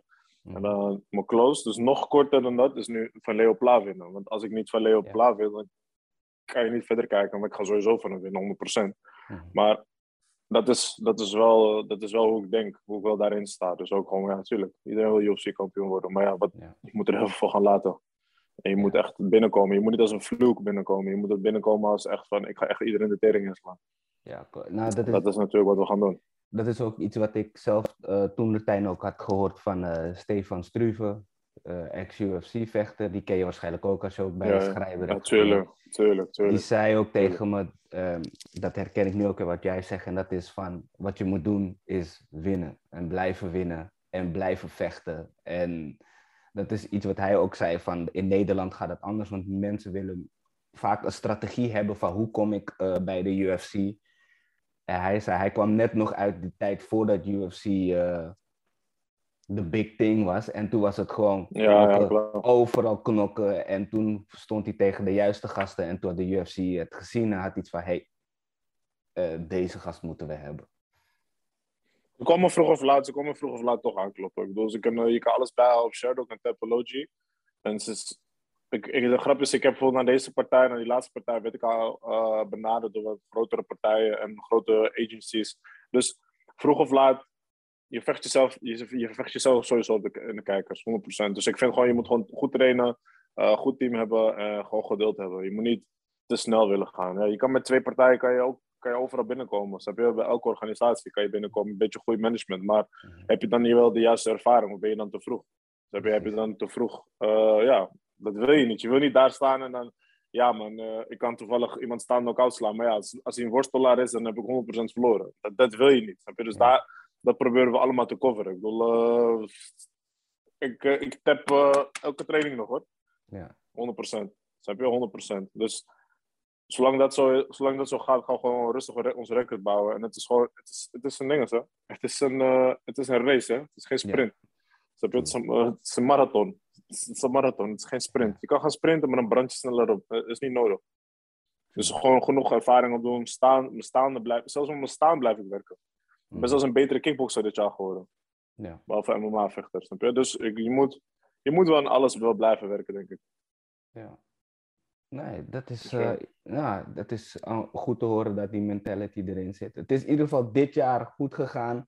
We gaan deze zaterdag zien als dit jaar perfect gaat, is gegaan. Eh, in ieder geval wil ik je sowieso bedanken voor je tijd. Eh, sowieso heel veel succes. Eh, voor iedereen de tickets die zijn, je kan het live, kan je het streamen. De tickets die zijn online verkrijgbaar. Kunnen ze bij jou tickets halen? Waar moeten ze tickets halen? Ik, ik denk dat er een livestream is, man, via of Fight Club Den Haag of Akira Live, nog wat zoiets. Ik denk dat, uh, ik weet niet hoe het heet, man, maar ik zal het waarschijnlijk gewoon delen in mijn story, dus het komt wel goed. Oké, ja, dus ook op de website gaan we die link gewoon zetten, dat, dat je je livestream ticket uh, kan halen. Dus uh, laat de mensen nog eventjes weten waar ze jou kunnen vinden, je Instagram, je Facebook, wat ze van jou kunnen verwachten 4 december. Ik ben Momin, ik heet op Instagram Momin Official. 4 december ga ik iemand knock-out slaan, dus ga die shit checken, volg mij, ik ga het met jullie delen en tot snel. Is goed, man. Hey, thanks voor je tijd, man, en succes. Thanks, man. Is Dankjewel cool, voor de uitnodiging, man. Geen probleem. Later. Dankjewel, Mohammed, voor je tijd ook. Um, gruwelijk om al deze stories te horen. Je kan op de website sowieso kijken om te zien waar je uh, de online streamtickets kan kopen voor deze partij. Uh, nog iemand die op dezelfde kaart bij Akira FC 4 gaat vechten is zijn vorige tegenstander, Stanislav Romanov. Nou, dames en heren, we hebben nog een debutant voor de podcast. Dit is uh, een van de weinige heavyweights die uh, in Nederland vecht. Voordat we gaan beginnen, hoe gaat het man? Ja, gaat goed man. Dankjewel uh, dat je even de tijd neemt voor mij. Gaat ja. heel goed. Voel me goed. Maar sterk. Thanks. Ja, geen probleem man. Uh, elke keer als we een, een, gast hebben die voor de eerste keer op de podcast is, vragen we altijd als ze zichzelf even willen voorstellen. Dus kan je even vertellen wie je bent, wat je doet? Alles. Ik kan zeker, ja, ja zoveel mogelijk. Uh, ja, ik ben uh, Stas Romanov, 34 jaar oud. Ik woon in Almere, ik train en vecht vanuit uh, de wereldberoemde Mike's Gym in Amsterdam. wie kent het niet? Wie kent het niet? En daar ben ik, uh, ja, ik denk al een jaartje of tien aan het trainen. Met heel veel bekende jongens. Mm-hmm. Ik vecht en train vanaf mijn zevende. En zoals ik al zei, ik ben 34, dus eigenlijk de over, over, overgrote gedeelte van mijn leven doe ik dit. Ja. Met nog steeds heel veel plezier. En ik heb een eigen bedrijf. Ik heb een, ja, meerdere ondernemingen eigenlijk. Mm-hmm. maar de, datgene waar ik het meest trots op ben, is mijn personal training studio in Almere. Dus die, okay. die, die, die maak ik even bekend. De rest, de rest is niet zo interessant, vind ik zelf. oh dus, je, dus je bent al eventjes bezig in de vechtsport vanaf je zevende, zeg je. waarmee ben je begonnen dan? Ik ben begonnen in de voormalige Sovjet-Unie toen de tijd. Ik ben een uh, Nederlander met migratieachtergrond, zoals dat mooi gezegd wordt.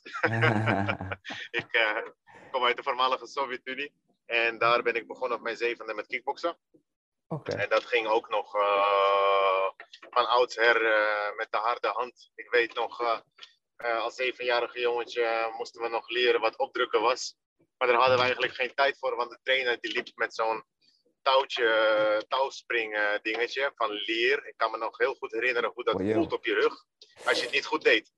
Oh jee. Dus zo kwamen wij, zo kwamen wij uh, met vechtsport in aanraking. Oh shit.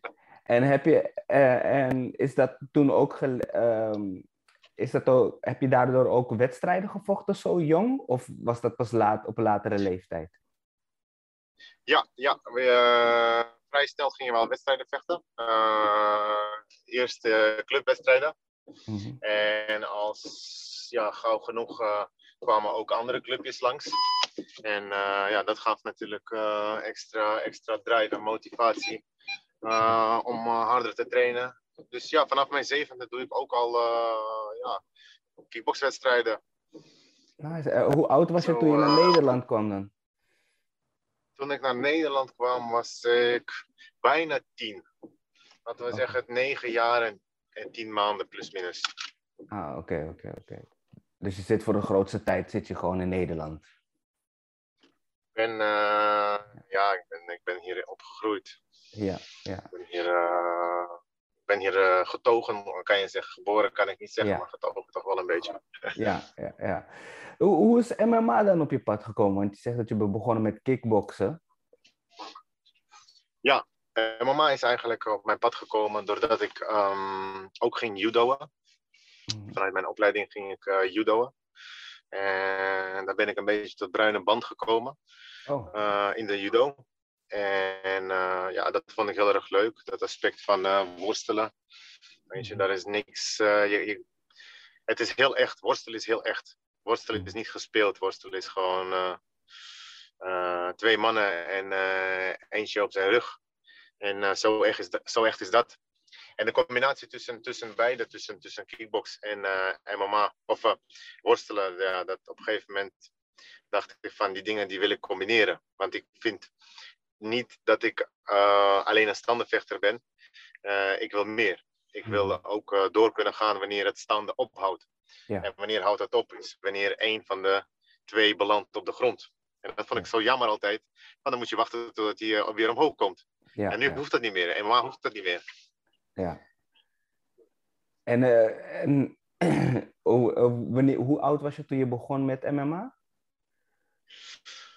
MMA, MMA, MMA. Ik denk uh, een jaartje of tien geleden. Het is eigenlijk wel een best wel een grappig verhaal. Uh, ja. Een van mijn trainers, Niels, Niels van Oort. Ja. Best wel een bekende naam in de vechtscene in Europa. Ja. Dat was een van mijn eerste tegenstanders uh, uh, bij de M1 Global. Oh. En uh, ja, dus, hij, dus hij met al zijn ervaring. En ik kwam net, net in de MMA scene kijken. En ja, goed, dat was eigenlijk te vroeg voor mij. Dat was gewoon, weet je, dat is gewoon... Je gaat zwemmen in een zwembad met een haai. En jij bent uh, net uh, het Nemo-visje. dat was, dat was, ja, die, die wedstrijd heeft helaas niet door kunnen gaan.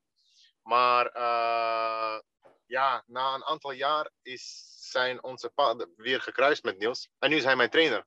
Mm. En ja, ik zie hem, eerlijk gezegd, zie ik hem liever ook in die, in die rol als mijn trainer, als mijn, mijn tegenstander. Yo, maar, dus dat heb ik wel goed gedaan, vind ik. maar hoe zijn jullie paden dan gekruist? Want hij, uh, voor zover ik weet, trainde hij altijd bij uh, Schrijber in uh, Beverwijk. Ja. Hoe, hoe jij in de Mike's Gym in Amsterdam, hoe is dat bij elkaar gekomen dan? Ja, het is, het is toch waarschijnlijk een, een, klein, een klein wereldje. Vooral hier in Nederland is MMA nog niet daar waar, waar ik zou willen of hopen. En ik denk met mij heel veel andere jongens. Ja. Uh, waar MMA zou moeten staan. Het groeit overigens wel heel hard. Alleen uh, niet hard genoeg uh, anders dan in de Verenigde Staten of, of, of, of, of Rusland. Ja. Maar ja, hij, hij trainde zo ook af en toe in Mike's Gym. En daar troffen we elkaar. Mhm. een paar keer. En na één of twee keer met hem geworsteld te hebben, kwam ik er toch snel achter. Ik dacht van, hé, hey, deze man kan ik heel veel leren. Ja. Maar ook echt heel veel. En ja, dus ik, ik stel me natuurlijk uh, uh, zo op van, hey uh, sensei, als jij, als jij tijd voor me hebt, ik heel graag. Ja. En ja, Niels is gewoon een hele, hele leuke, sympathieke jongen. En ja, dat was eigenlijk helemaal geen probleem gelijk. Dus zodoende, ja, ook met hem. Ja. Nou, was hij ook erbij vanaf het begin van je carrière of hij is later pas uh, je trainer geworden? Uh, ik heb een aantal wedstrijden gedraaid uh, waarbij hij nog niet heel erg actief de rol nam als headcoach. Okay. Um, ja, er, er, waren eerst een aantal andere trainers van, van mij, vanuit Mike's Gym. Ja. Um, maar al gauw genoeg. Al, overigens, Mike's Gym is een hele goede kickboxschool. Een van de Mhm. beste in de wereld. Dat, dat weet iedereen. Ja. Ik bedoel, de beste jongens lopen daar rond of komen daar naartoe om, uh, om hun wapens uh, beter te maken dan dat ze al waren. En dat kan bij Mike's Gym. Alleen, uh, ja, als we praten over MMA, dan heb je echt jongens nodig zoals Niels. En ja, ik ben naar een paar wedstrijden geweest met, met mannen uh, die heel goed zijn in stand. Mhm. Dus uh, echt stand-up game. Ja. en dat kwam ik elke keer tekort. In al die wedstrijden die ik had gedraaid, kwam ik dat tekort en verloor ik op de grond. Mm. En dat frustreerde mij natuurlijk heel erg. Aan stand was ik top. Maar ja, we komen op de grond en dan denk ik van, ja, wat doe ik hier? en, en dan verlies je. Want dat, is, dat is MMA. Je- Een split second is genoeg voor je tegenstander om door te hebben van, hé, hey, jij bent niet scherp, pap. En je bent in een armklem of een beenklem, nekklem, wat- whatever. Ja. En je zit vast. Mm. En dan de enige uitweg is gewoon eh, tappen. En ik wil niet meer tappen. Of ik wilde niet meer tappen. Ik denk, dat, dat gaat er gewoon niet worden. Dat is gewoon, dat is oneervol verliezen in mijn eh, optiek. Mm, samurai-stijl. ja. Dus samurai style. Dat is- Ja, toch? Ja, toch? Je, je weet het, hè? Ik ja. ben ook nog een beetje leeuw. Oh, oké, oké. Ja, dus we willen niet, we willen niet verliezen. Maar eh, eh, ja, en, en, die, en, en op een gegeven moment kwam Niels erbij en dan ging met hem worstelen, worstelen. En overigens moet ik niet alleen Niels credits geven. We hebben ook nog Arya, Arya Sheikh. Ja. En die man is ook eh wereldtop worstelaar, judoka. Hij heeft zoveel prijzen op zijn naam. En die man die heb, ik, heb ik ook heel veel eh, knuffeluren doorgebracht op de grond. Als ik het zo mag uitdrukken. En eh, ja, daar ben ik ook heel erg van, eh, van gaan groeien. ja, ja. Dus ja, wat ik zei, een van mijn partijen die ik had gewonnen, World Fighting League, hadden jullie mij ook geïnterviewd, geloof ik. Ja. En toen zei ik ook iets in de, in, de, in de kooi. Ik zei van als je met dit soort jongens worstelt, eh, dan lijkt het elke keer alsof je een kleutertje bent en zij zijn meester in je. Zo had ik het uitgedrukt in al die emotie. Klopt. Maar volgens mij begreep, begreep iedereen mij wel. Maar op een gegeven moment ga je dan dus met iemand anders worstelen Ja. of vechten. En dan denk je van, hé, hey, hey, hey, ik heb dingen geleerd. Ik kan Mhm. veel meer. En dat Ja. komt natuurlijk omdat je constant ja, opbokst tegen gasten die heel goed zijn. Mhm, mhm. Dus, dus eigenlijk boven jouw niveau.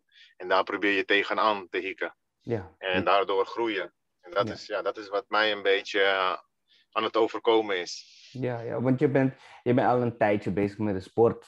Sowieso vanaf zeven, zeven jaar al. Voor wat wij online bij, bij Topology zien, dan was je professioneel MMA begonnen sinds 2018. Ehm, maar eergisteren postte je iets echt eh, interessants op je ehm, Instagram. Ehm, en het was iets dat je zei van je fight record die toont niet wat je ambitie is die je voor de sport eh, hebt. En eh, dat soort dingen die fascineren me echt, want je fight record die is nu 2-6. Maar waar komt je ambitie dan vandaan? Wa- Wat, wat is die drive dan om door te blijven vechten? Ja, weet je, inderdaad, dat is dat. ik heb het gepost. En het was niet emotioneel, het was heel goed doordacht wat ik, eh, wat ik postte daar. Ehm, je, je kunt jezelf heel snel ehm, gedemotiveerd eh, laten voelen, laten raken door cijfers. Mhm. En je denkt van, hé, hey, ehm, ja, weet je, dat is hem gewoon niet. Je kijkt om je heen, je hebt jongens 10-0, je hebt jongens eh 3-0, je hebt jongens 5-6, 7-0. En jij Mhm. staat daar met je 6-2 en dan in de min. Ja. Maar aan de andere kant denk ik van ja, ehm, ik ben gelijk begonnen in de pro. Ik heb Mhm. eigenlijk de amateurpartij heb ik allemaal overgeslagen. Dus al die eh, partijen die ik heb verloren, heb ik niet het gevoel eh, dat ik ze had moeten verliezen. Mhm. Ik heb ze niet verloren van hier, van binnen. Mhm. Ik heb ze verloren door eh, tekort aan techniek, door tekort aan misschien trainingsuren, eh, door tekort aan eh, amateurpartijen die ik eigenlijk niet heb kunnen draaien omdat ik gelijk de pro inging. Mhm. Eh, en daarom heb ik ook gepost van ja, die MMA-record die ik heb, die pro-MMA-record die ik heb, is, is, ik loop er niet voor weg. Hè? Dat is absoluut niet. En daarom, eh, ik accepteer hem zoals hij is. De partijen die ik heb verloren, heb ik verloren. En de partijen die ik heb gewonnen, heb ik gewonnen. Eh, ik loop er niet voor weg. Maar ik weet dat er meer in zit. Mhm. Ik weet dat dit de aanlooppartijen zijn naar datgene wat ik eigenlijk eh, kan en wil laten zien. Mhm. Eh, dit, dit zijn die trainingsuren. Dit zijn eigenlijk de ehm, amateurpartijen die ik nooit heb gehad. Ja. En die ik heb moeten Had Ja. moeten draaien, ja. dige- di- digesten. Ja. En ehm, ja, weet je, en, en ik heb het gelijk op groot podium gedaan. Ik heb, het, ik heb me gelijk heel erg uh, blootgesteld en uh, kwetsbaar opgesteld van uh, dit is het, weet je. Ik, ik ga gewoon gelijk voor de leeuwen. En win ik, win ik. En verlies ik, verlies ik. Mm -hmm. ik ben nooit een partij uit de weg gegaan. Ik heb nooit nee gezegd tegen een partij. Dus alles wat mij aangeboden is, altijd heb ik altijd ja gezegd. en, en, en, en ja, heel veel andere jongens die ik ken, die zouden dan gelijk zeggen van nee man, dat, dat, deze gozer komt niet goed uit voor mijn record. Ik ben mhm. dat niet. Ja. Ik ben gewoon, ga met die banaan en uh, we zien het wel. Weet je? Ja, ja kijk, je, je zegt net ook iets en we hebben het er heel vaak op de podcast ook met andere vechters over. En dat is, um, ik zelf denk dat, dat um, in Nederlandse MMA-niveau lager is dan in de wereld, is omdat uh, vechters heel snel pro willen gaan. Uh, niemand neemt echt de tijd om te developen in, in het amateurcircuit. Maar die is er eigenlijk ook niet, om eerlijk te zijn. Net als bijvoorbeeld met kickboksen, waar je gewoon als een nieuweling, C-klas, B-klasse, A-klasse. Het duurt een hele tijd voordat je aan de top bent. Dus wanneer je eindelijk aan de top bent in het kickboksen, dan ben je ook echt een ervaren vechter. Uh, wat was jouw reden dan geweest dat je zei: ik ga na één partij gewoon al pro? Ja, ja. kijk, uh, je moet het zo zien. Ik, uh, het komt weer vanuit Mike's Gym. Je zit in, je zit, je zit in het circuit van Mike's Gym. En je ja. zit met al die. Ik vind dat altijd een mooi voorbeeld. Je zit met al die haaien om je heen. Iedereen zwemt om je heen. En die neemt, iedereen neemt een hapje uit jou. Mm -hmm. Op een mhm. gegeven moment ga je hapjes terugnemen. En dan ga je je sterk voelen. En dan ga je ook denken van, hé, hey, ik kan dit. En dan komt er iets op je pad. Dan wordt er jou iets aangeboden. Maar omdat je al ready bent, en je hoeft niet ready te worden. Ja. Dat is ook een, volgens mij een hele mooie uitspraak van Mike. Hij zegt, uh, we stay ready so we don't have to get ready. Hmm. En vanuit dat perspectief um, uh, opereer je gewoon. Je bent gewoon ready en uh, het maakt niet uit. Weet je, voor mijn kickboxpartij heb ik ook heel veel uh, partijen, ben ik ook voor heel veel partijen naar het buitenland geweest. Mm. Vocht ik ook tegen gasten waarvan je denkt van, shit man, dat zijn gewoon wereldtoppers die, tegen wie je vecht. En toch sloegen yeah. ze me er niet uit. Yeah. En ik wil niet zeggen dat ik altijd won, maar mm. Ze sloegen me er niet uit. En dat bouwt wel een beetje een, uh, ja, een, een, een, een, een, een, uh, ja, een soort van power, power op. Waarvan je gaat denken van, hé hey, luister, het maakt me niet uit tegenover wie, tegenover wie ik word gezet. Ja. Die man die heeft ook twee, twee benen en twee armen. Hij kan, hij kan mij niks doen wat ja. uh, onmenselijk is. Ja. En, dat is. en dan denk ik, ik denk dat heel veel van die jongens uh, dan eigenlijk dat hele amateur ding overslaan en gelijk uh, doorgaan naar pro. Mm -hmm. Ik denk dat dat het is. Ja, dat, ja het, het, is jammer, want er valt eigenlijk zoveel meer uit te halen. Zeker met het talent en de, de, de kennis die er in Nederland is. Uh, mm -hmm. Als gewoon het kickbox-systeem wordt overgezet op, op het MMA, geloof ik dat er echt beesten uh, eruit komen. Dat geloof ik ook. Maar dat ja, jij, ook. jij vecht ook uh, heavyweight. Dus uh, elke klap is daar ook echt super dangerous. Die is, ja, ja, ja, ja, ja. Gelukkig bezit ik zelf ook zo'n zo, zo uh, goede stoot. ja. Maar wat je zegt, uh, het kan, het kan el, elke seconde veranderen. Het is anders dan bij die jongens in, de, in, de, in die lichtgewichtjes. Mm -hmm. Ze slopen elkaar. Conditioneel zijn het ook beesten. Mm -hmm. En als je ziet hoeveel klappen er over en weer vallen. Maar schade is relatief beperkt. Mm -hmm. uh, de gasten gaan niet heel snel KO. En in mijn gewichtsklasse, en dan ben ik een van de lichtere uh, zwaargewichten. Mm -hmm. Want ik zit, uh, ik zit onder de 100. En ik vecht met gasten regelmatig die boven de 120 zitten. Dus ja. er is wel degelijk een groot gewichtsverschil. Ja, als daar zo'n vrachtwagen op je afkomt en die weet je niet op tijd te ontwijken, ja, dan wordt het wel een, een, een vervelend verhaal. Ja, klopt. maar ja, jij, jij, hebt, jij hebt ze ook uitgedeeld. Je vocht toen toen we je ook hadden geïnterviewd bij uh, veel MMA 6. En toen uh, gaf jij die stoot. Uh, vo voordat je die partij vocht, was er volgens mij een jaar of twee of drie dat je niet meer gevochten had. Was dat een bewuste stop? Um, ja, ja dit, het, ik denk dat het een samenloop van omstandigheden is. Uh, mm. Weet je, naast dat je een vechter bent, heb je ook een leven, heb je ook een gezin, heb je ook de, de noodzaak om gewoon geld te verdienen en voor je gezin te zorgen. Ehm, en je bent niet altijd in de luxe positie om te zeggen van, eh, ja, ik ben nu gewoon vechter en meer niet. En eh, dat is het. Mhm. Eh, dus ik denk dat het een samenloop van omstandigheden is. je, je, je, je zorgen, je plichten, die moet je gewoon zien te waarmaken. En wanneer je daarmee ehm, ja, het een en ander goed doet, krijg je weer een beetje vanuit je gezin een beetje groen licht om weer uh, iets te Mhm. mogen doen voor jezelf. Ja. en, dan komen, en dan komen we wel uit bij MMA, hè? Ja. Ja, nou, do- do- die, die pauze was blijkbaar nodig, want je, je, je winde gewoon direct met de KO. Dat moet waarschijnlijk gewoon zo'n gigantische opluchting zijn geweest van ook een confirmation dat je wel aan het groeien bent, om het zo te zeggen. Ja man, ja man, absoluut. Deze overwinning was eh, heel erg ehm, eh, lang verwacht. En eh, ik, ik, ik wilde dit zo graag. En als ik terugga naar het gevoel van hoe ik daar toen stond. Mhm. En de emotie die bij mij loskwam. En weet je, en, en ehm, dat ik ook nog respectvol omging met mijn tegenstander. Wat ik Ja. in het verleden wel eens anders deed. En Mhm. emotioneel was. En een beetje dat stratmentaliteit af en toe meenam de kooi in. En wat ik toch wel geleerd heb in de loop der jaren, dat dat niet, dat is het niet. Ja. Het, eh, er, is, er, is, er, is, er is een stukje sport en er is een stukje respect. En ehm, ik heb geleerd dat, dat, dat dat zoveel belangrijker is, om dat ook uit te stralen richting eh, die nieuwe jongens die eh, iets willen. Ja. Wie wij misschien met één of twee of drie of wellicht nog tien partijen lopen te inspireren. En Mhm. dat ze juist goede dingen doen. Ja. In plaats van eh, laten zien eh, wie het grootste mond heeft. Ja, want eh, als je, je praat nu over respect, dat, dat, dat floot direct perfect in mijn volgende vraag. Want na je WFL-partij vocht je bij Versus MMA. Je vocht tegen een trainingspartner van Cyril Gane. Daar was niet Yes. heel veel respect eh, te zien vanuit ehm, eh, zijn kant.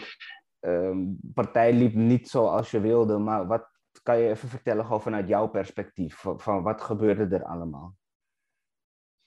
Ja, ja het is, eh, we, hadden, we hadden een gameplan voor die jongen. We, zagen, hebben zijn filmpjes bekeken wat, wat er zichtbaar was op, eh, op YouTube. En eh, wat we wisten eh, over Cyril Gahn en zijn trainingspartners. Mhm. En we zagen dat die jongen een bokser was. Hij is van huis uit is het gewoon een bokser. Dus hij heeft gewoon een goede, goede stand-up game wat betreft het, het, het handenwerk. Mhm. Dus ja, wat, wat, dat, is, dat is het mooie aan, aan MMA. Wanneer je weet dat iemand sterk is met boksen, dan ga je hem niet laten boksen. Mhm. Als je weet dat iemand eh, heel goed worstelt, dan ga je hem niet laten worstelen. Ja. En dat is het mooie eh, dat we elke, elke keer toepassen. En mijn opdracht was heel simpel. Eh, vanuit mijn coach zeiden van dit hoeft niet een mooie partij te, te worden. Mhm. Laten we zorgen dat die man gewoon heel erg gefrustreerd raakt. En volgens mij lukte dat ook aardig. ja, Zet hem vast erop, tegen ja. die kooi. Zet hem vast tegen die kooi. En ook daar was wel een eh, redelijk gewichtsverschil eh, vanuit zijn kant richting mij. Nogmaals, ik ben een van de lichtere heavyweights en hij gaat wel eh, richting de iets zwaardere, denk ik. Ik weet niet precies hoeveel verschil, maar ik denk een kilootje of 15 toch zeker wel. En ehm, ja, ja, goed, hij, ik zette hem vast, ik zette hem vast, ik zette hem vast. En ik maakte één foutje. Ik probeerde hem te vroeg naar beneden te trekken. En het enige wat hij hoefde te doen is bovenop mij gaan liggen. Eh, dus we filmen. En nou ja, hij, hij deed zijn dingetje. Maar ik had redelijk controle. Heel lang verhaal, heel kort te maken. We stonden op. Althans, ik dacht dat we op gingen staan. En hij trapte één of twee keer naar mijn hoofd. Terwijl ja, ik nog steeds eh, knieën op de grond had, armen op de grond. Of handen op de grond. En ja, daarmee heeft hij zichzelf eigenlijk verpest. Maar dat was voor mij nog niet de aanleiding om te zeggen: ik wil niet vechten. Mhm. Ik denk dat het ergens misgegaan is tussen hem en de scheidsrechter. Want daar, daar probeerde hij ook iets mee te doen. Tenminste, wat mij daarbij. eh, bij- ja, kijk, en als je aan scheidsrechters begint te zitten. Als je niet eens bent met eh, Mhm. de regels, ja, weet je, dan kan ik daar. Ik, ik, ik, ik wilde wel, maar ja, Mhm. hij had het al zodanig verpest eh, voor zichzelf en voor mij dat er gewoon geen kans meer was op, op die plus. Ik draag lenzen Ah, Oké, ja. en hij trapt, hij trapte zo dat mijn lens heel erg vervelend zat ergens in mijn oog. Ai. Ja. Wacht. Oh. Je beeld valt weg. Weiger. even kijken. Ja, beeld. Ja. Yes, yes, yes, yes, sorry. Ja, ja helemaal tussendoor gebeld. Dus ik, ik, ik zag, eh, met één oog zag ik heel, heel slecht. Um, ik had sowieso wel even tijd nodig om, om die lens uh, eruit te peuteren. Mm. En uh, weer netjes recht te zetten. Dat, maar ja, goed, uh, de doktoren namen dat ook eventjes op zichzelf. En ik ben blij dat ik daar verder geen grote schade aan heb overgehouden of iets mm. dergelijks. Mm. Ja. ja, respect, ja, respect vanuit, vanuit zijn kant. Ik denk dat hij nog een onervaren jongen is. Mm-hmm. En dat hij zijn emoties niet, kon, niet kon bedwingen. Dat hij, dat, hij, uh, dat hij dacht dat hij misschien in een, in een, in een straatgevecht beland was. En dat het um, doden of gedood worden. Mm-hmm. en en dat, moet je toch, dat moet je denk ik toch loszien van van, uh, sorry, ik word de hele tijd gebeld. Ja. Uh, loszien van, van het sportieve. Ja. En uh, wil, je, wil, je, wil je iets, iets, iets, uh, iets, iets neerzetten waarbij wanneer je dat zegt, want dat is misschien wel een mooi bruggetje die ik dan zelf wil maken tijdens jouw interview. wil je iets moois maken waarbij je als vechter trots bent om te zeggen in een omgeving van niet-vechters, ik doe dat, en er mhm. trots op zijn, dan moeten we daar met z'n allen aan werken. Ja. Uh, om er een positieve uh, vibe aan te geven. In plaats van dat ik soms in een omgeving waarvan zij mij kennen als vader en als man en mhm. als nou, iemand met een bedrijf, et cetera, et cetera. Ik zeg niet gelijk tegen iedereen van ik doe ook nog vechtsport. Mm. Want heel veel mensen hebben zo, oh, wat voor vechtsport doe je dan? En dan krijg je oh, En dan moet je ook nog zeggen kooi vechten. ja, dat gaat, dat gaat of, of, of ze zijn jou voor, dan zeggen ze, dan zeggen ze van, oh, oh, oh, oh, oh, oh, het maar niet dan in, in zo'n kooi En dan denk je van, oh jee. Ja, zeggen, ja, nou, ja, nee, ja, snap je? En om, om, om, om, om, dat, uh, um, om dat ding te doorbreken, yeah. heb, je, heb je gewoon jongens nodig die uh, elke beslissing van een scheidsrechter uh, gelijk eren en respecteren. En tegenstanders in plaats van uh, schelden, spugen, met dingen gooien, kooien invliegen met z'n allen. Als iemand heeft gewonnen, even daar naartoe lopen, knuffel geven. Want uiteindelijk staan wij daar met z'n tweeën. Wij hebben allebei getraind. Ja. En onze trainers, onze omgeving, iedereen is daar, zodat wij met z'n tweeën dat kunnen doen. Ja. En dan is het ook aan ons om er te zorgen dat het stukje respect en, en over en weer uh, goede energie, daar begint het, denk ik. Ja. En als je dat, als je dat uit, ja, dan denk ik dat je heel veel andere mensen ook op een positieve manier gaat beïnvloeden. Mhm. Ja, het is jammer dat dat zo moest gaan. Um, uh, heb jij hem zelf nog gesproken backstage? Of, uh... ja, ja, ja, ja, ja, ja, ja. Harun, Harun, Harun was heel erg, uh, heel erg bang dat het, dat het mis zou gaan. hij zei, alsjeblieft niks doen. Hè. Ik, zeg, nee, ik zeg, vriend, we gaan niks doen. Ik zeg, we gaan niks doen. Ik zeg, wij zijn ontspannen. En uh, ja, hoe dan ook, die man die, uh, uit Frankrijk, die was in, in een hele grote meerderheid dat ik daar was vertegenwoordigd. oh ja?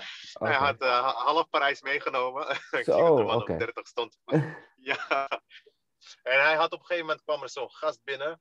Ja, het is niet normaal. Die man die, die, met zijn hoofd tegen het plafond aan. Ik keek, ik keek zo recht omhoog. Ik denk, maar als deze man zo meteen los gaat, dan moet ik al mijn skills gebruiken om te overleven. maar nee, ze kwamen binnen en die trainer die verontschuldigde zich. Ja. En hij zei, ja, sorry, sorry, sorry, dit was niet de bedoeling. En, hij, en, en, en, uh, en die jongen die kwam binnen ik ben uh, heel slecht van, ik ben zijn naam wel even vergeten. Maar uh, hij kwam binnen en sorry in zijn, in zijn beste Engels. Okay. hij had wel zijn excuses Hij kwam niet veel verder dan. Ja, precies. Okay. En ik zei van ja, ik, ik, begrijp het wel, het kan gebeuren. Zeg maar, probeer voor de volgende keer te beseffen, ook richting andere, andere vechters, andere organisaties, dat, dat dit het niet is. Ja. Zo gaat dat niet, weet je.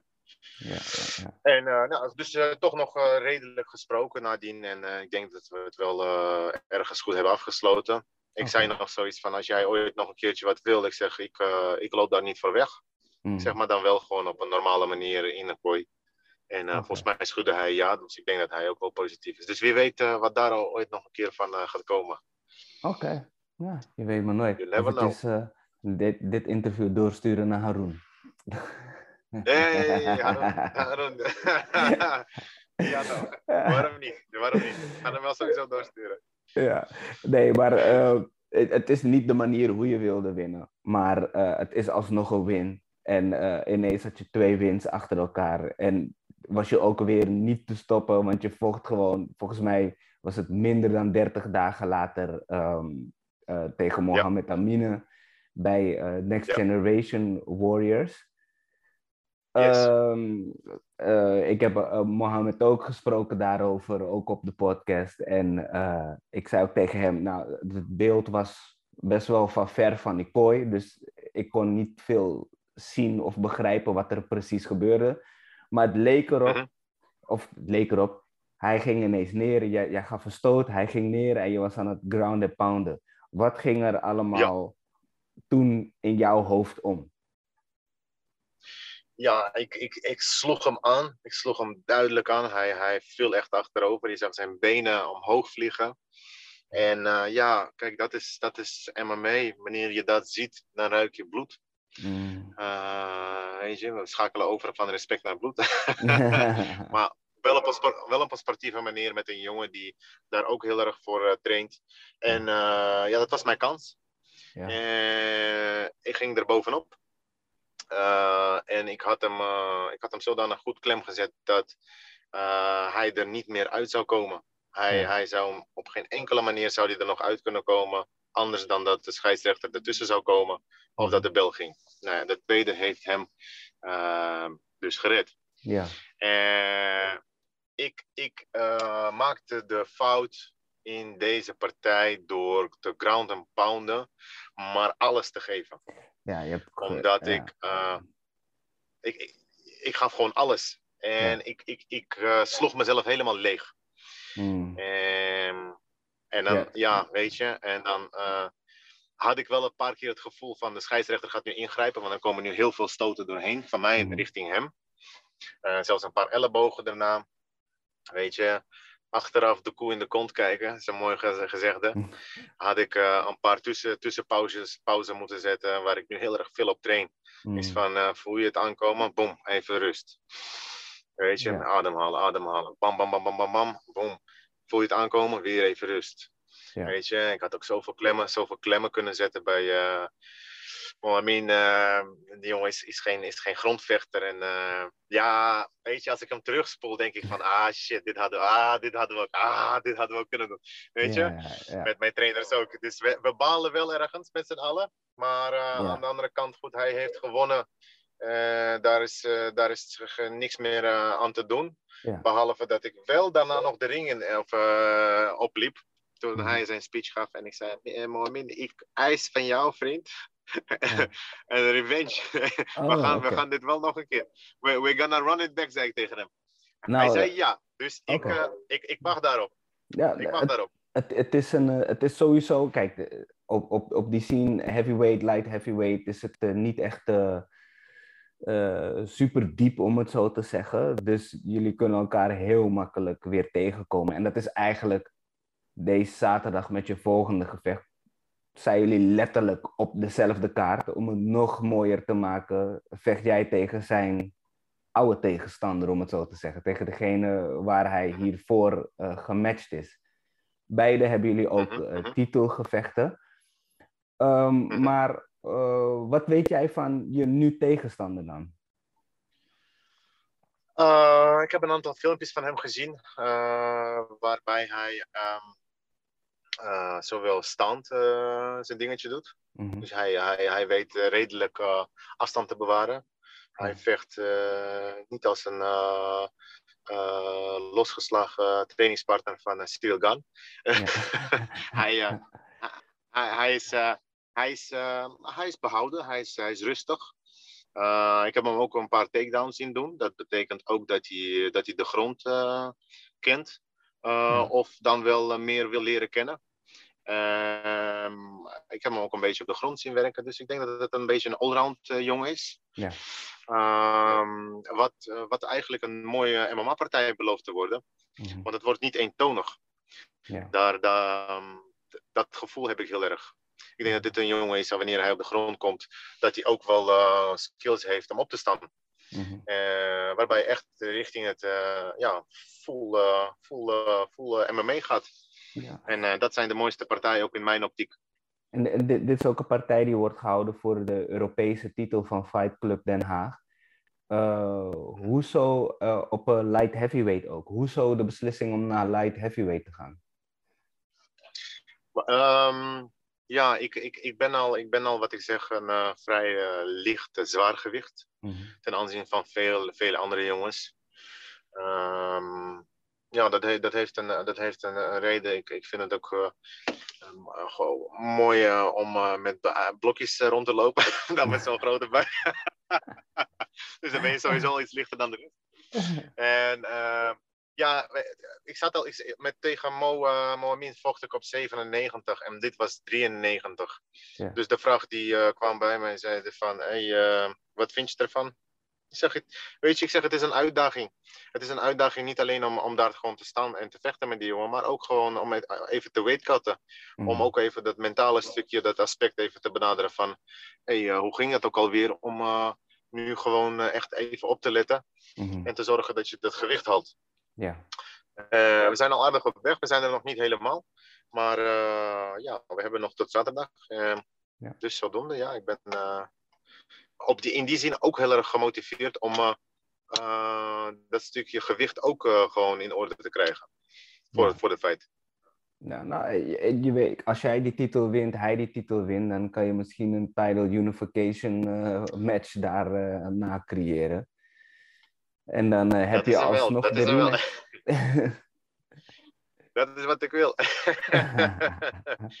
dat is wat ik wil. Ik hoop dat hij luistert of dat hij gaat luisteren. Dat, dat is precies wat ik wil.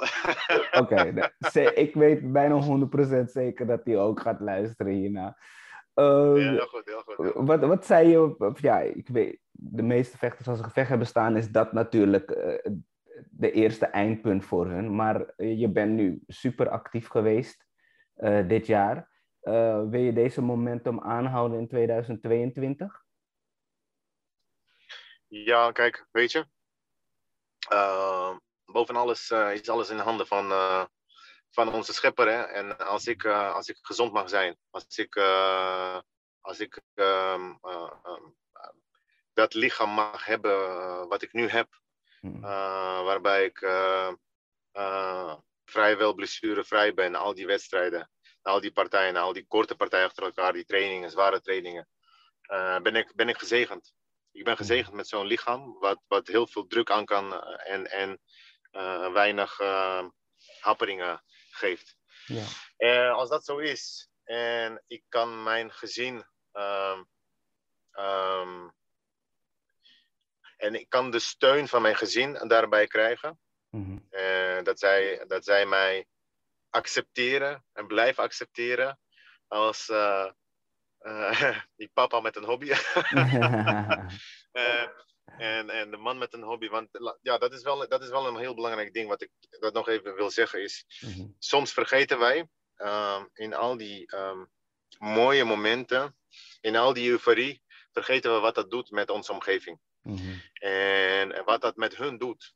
Um, en, en als ik terugblik naar al die partijen. En uh, uh, mijn vrouw die dan uh, ringside ziet. En zij mij soms niet in al te mooie positie ziet. Zo zou je partner niet, eh, niet, niet graag willen zien onderop iemand, bloed, weet je, gebroken neus, gescheurde wenkbrauwen, dat soort dingen. uh, heel veel respect voor hun, voor al die vrouwen en mannen die hun partner steunen. En ehm, ik hoop dat ze dat ook vooral blijven doen, want ja, jongens die vechten, ik, anderen, die kunnen waarschijnlijk gewoon niet op een andere manier, want dat blijft gewoon, dat blijft gewoon roepen. Dat is dat oer mm geschreeuw van binnen dat je dat wil doen. En doe je dat niet, voel je gewoon heel erg ongelukkig op een of andere manier. Met mhm. al die uh, mooie dingen om je heen voel je toch niet dat je volmaakt bent. En dat maakt jou heel. Ja, nou, dat is mooi gezegd, man. Perfect. Ja, nou, perfecter kunnen we dat niet afronden. Ik zou dat, ik zou dat zeggen van ja, sowieso thanks voor je tijd en heel veel succes dit weekend. En laat iedereen sowieso nog weten, waar kunnen ze je online vinden? Socials, Facebook, Instagram. En wat kunnen ze van jou verwachten dit weekend? Ja, je kan me sowieso volgen op uh, Roman of Family Lions. En je hoort het al, mijn achternaam en dan de, de familie met de leeuwen. Ik, uh, ik, ik, ben een grote fan van de leeuwen. Uh, ook, ook weer terugblikken naar mezelf. Ik ben niet de sterkste, ik ben niet de snelste, ik ben niet de slimste. Maar wat is uh, datgene wat een leeuw een leeuw maakt? En dat is zijn mentaliteit. En dat vind ik ook, de mentaliteit. We, we, we, we never give up, we never back down. En we gaan gewoon geen enkele uh, obstakel uit de weg we vliegen hem gewoon aan. Uh, en, en, geeft het je angst, dan moet je hem juist aanvliegen. Ja. Uh, snap je? Alleen dat geeft je het gevoel dat je, dat je echt daadwerkelijk leeft en alles eruit haalt uit het leven. Uh, even kijken. Ehm, het is pay-per-view, geloof ik, aanstaande zaterdag. Dat kan gevonden worden op Fight Club Den Haag, Akira, nog iets. Zeg ik dat allemaal goed? Weet het misschien nog iets beter dan ik. Wij gaan het sowieso ook op de site zetten, maar ik weet ook, soms geven ze ook zelf een link aan de vechter zelf of zo, of dat je jullie naam kan gebruiken. Ik weet niet hoe ze dat hebben gedaan, maar wij zullen zelf ook ja. een link zetten natuurlijk. Ja. Perfect man, perfect. Hey, dankjewel voor jullie steun man en bedankt dat jullie uh, ons uh, vechters in dit kleine kikkerlandje blijven steunen. Wij hebben jullie nodig, uh, ik denk nog harder dan dat jullie ons nodig hebben. En uh, blijf goed werk doen, man. Blijf, uh, blijf promoten. En laten we samen uh, dit naar een next level tillen. Dat is de hele bedoeling, man. Nederland is inderdaad een klein landje, maar we hebben grote vechters en goede vechters. En het is tijd dat mensen weten wat wij allemaal hebben in ons land. Oes, mooi man, mooi gezegd. Wij zullen, ook, wij zullen ook niet stoppen, we blijven doorgaan. Juist, let's get it. Let's get it. ja. Hey, is goed. Nogmaals succes dit weekend en uh, we houden sowieso contact. Oosman, thanks, is dankjewel. Cool, man. Later. Yo, doei doei.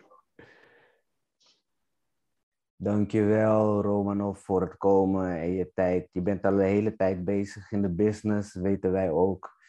Um, het is mooi om te zien wat die motivatie hierachter is. Uh, gewoon om door te blijven gaan en de positiviteit die nemen wij graag van je over. Jullie allemaal bedankt voor het kijken of luisteren naar deze podcast. We gaan proberen meer consistency hierin te, te regelen. Uh, ook eventjes uh, big up naar man Josh, die er niet bij kon zijn. Helaas, die is pas weer papa geworden. Dus zodra die weer tijd heeft, is die er natuurlijk weer bij. Voor de rest zijn we te vinden ook nog op Spotify, op Apple Podcasts of Google Podcasts, noem maar. We zijn overal verkrijgbaar. Abonneer je, like, deel. Laten we deze shit big as fuck maken, want deze boys hebben de grootste platform nodig die er is.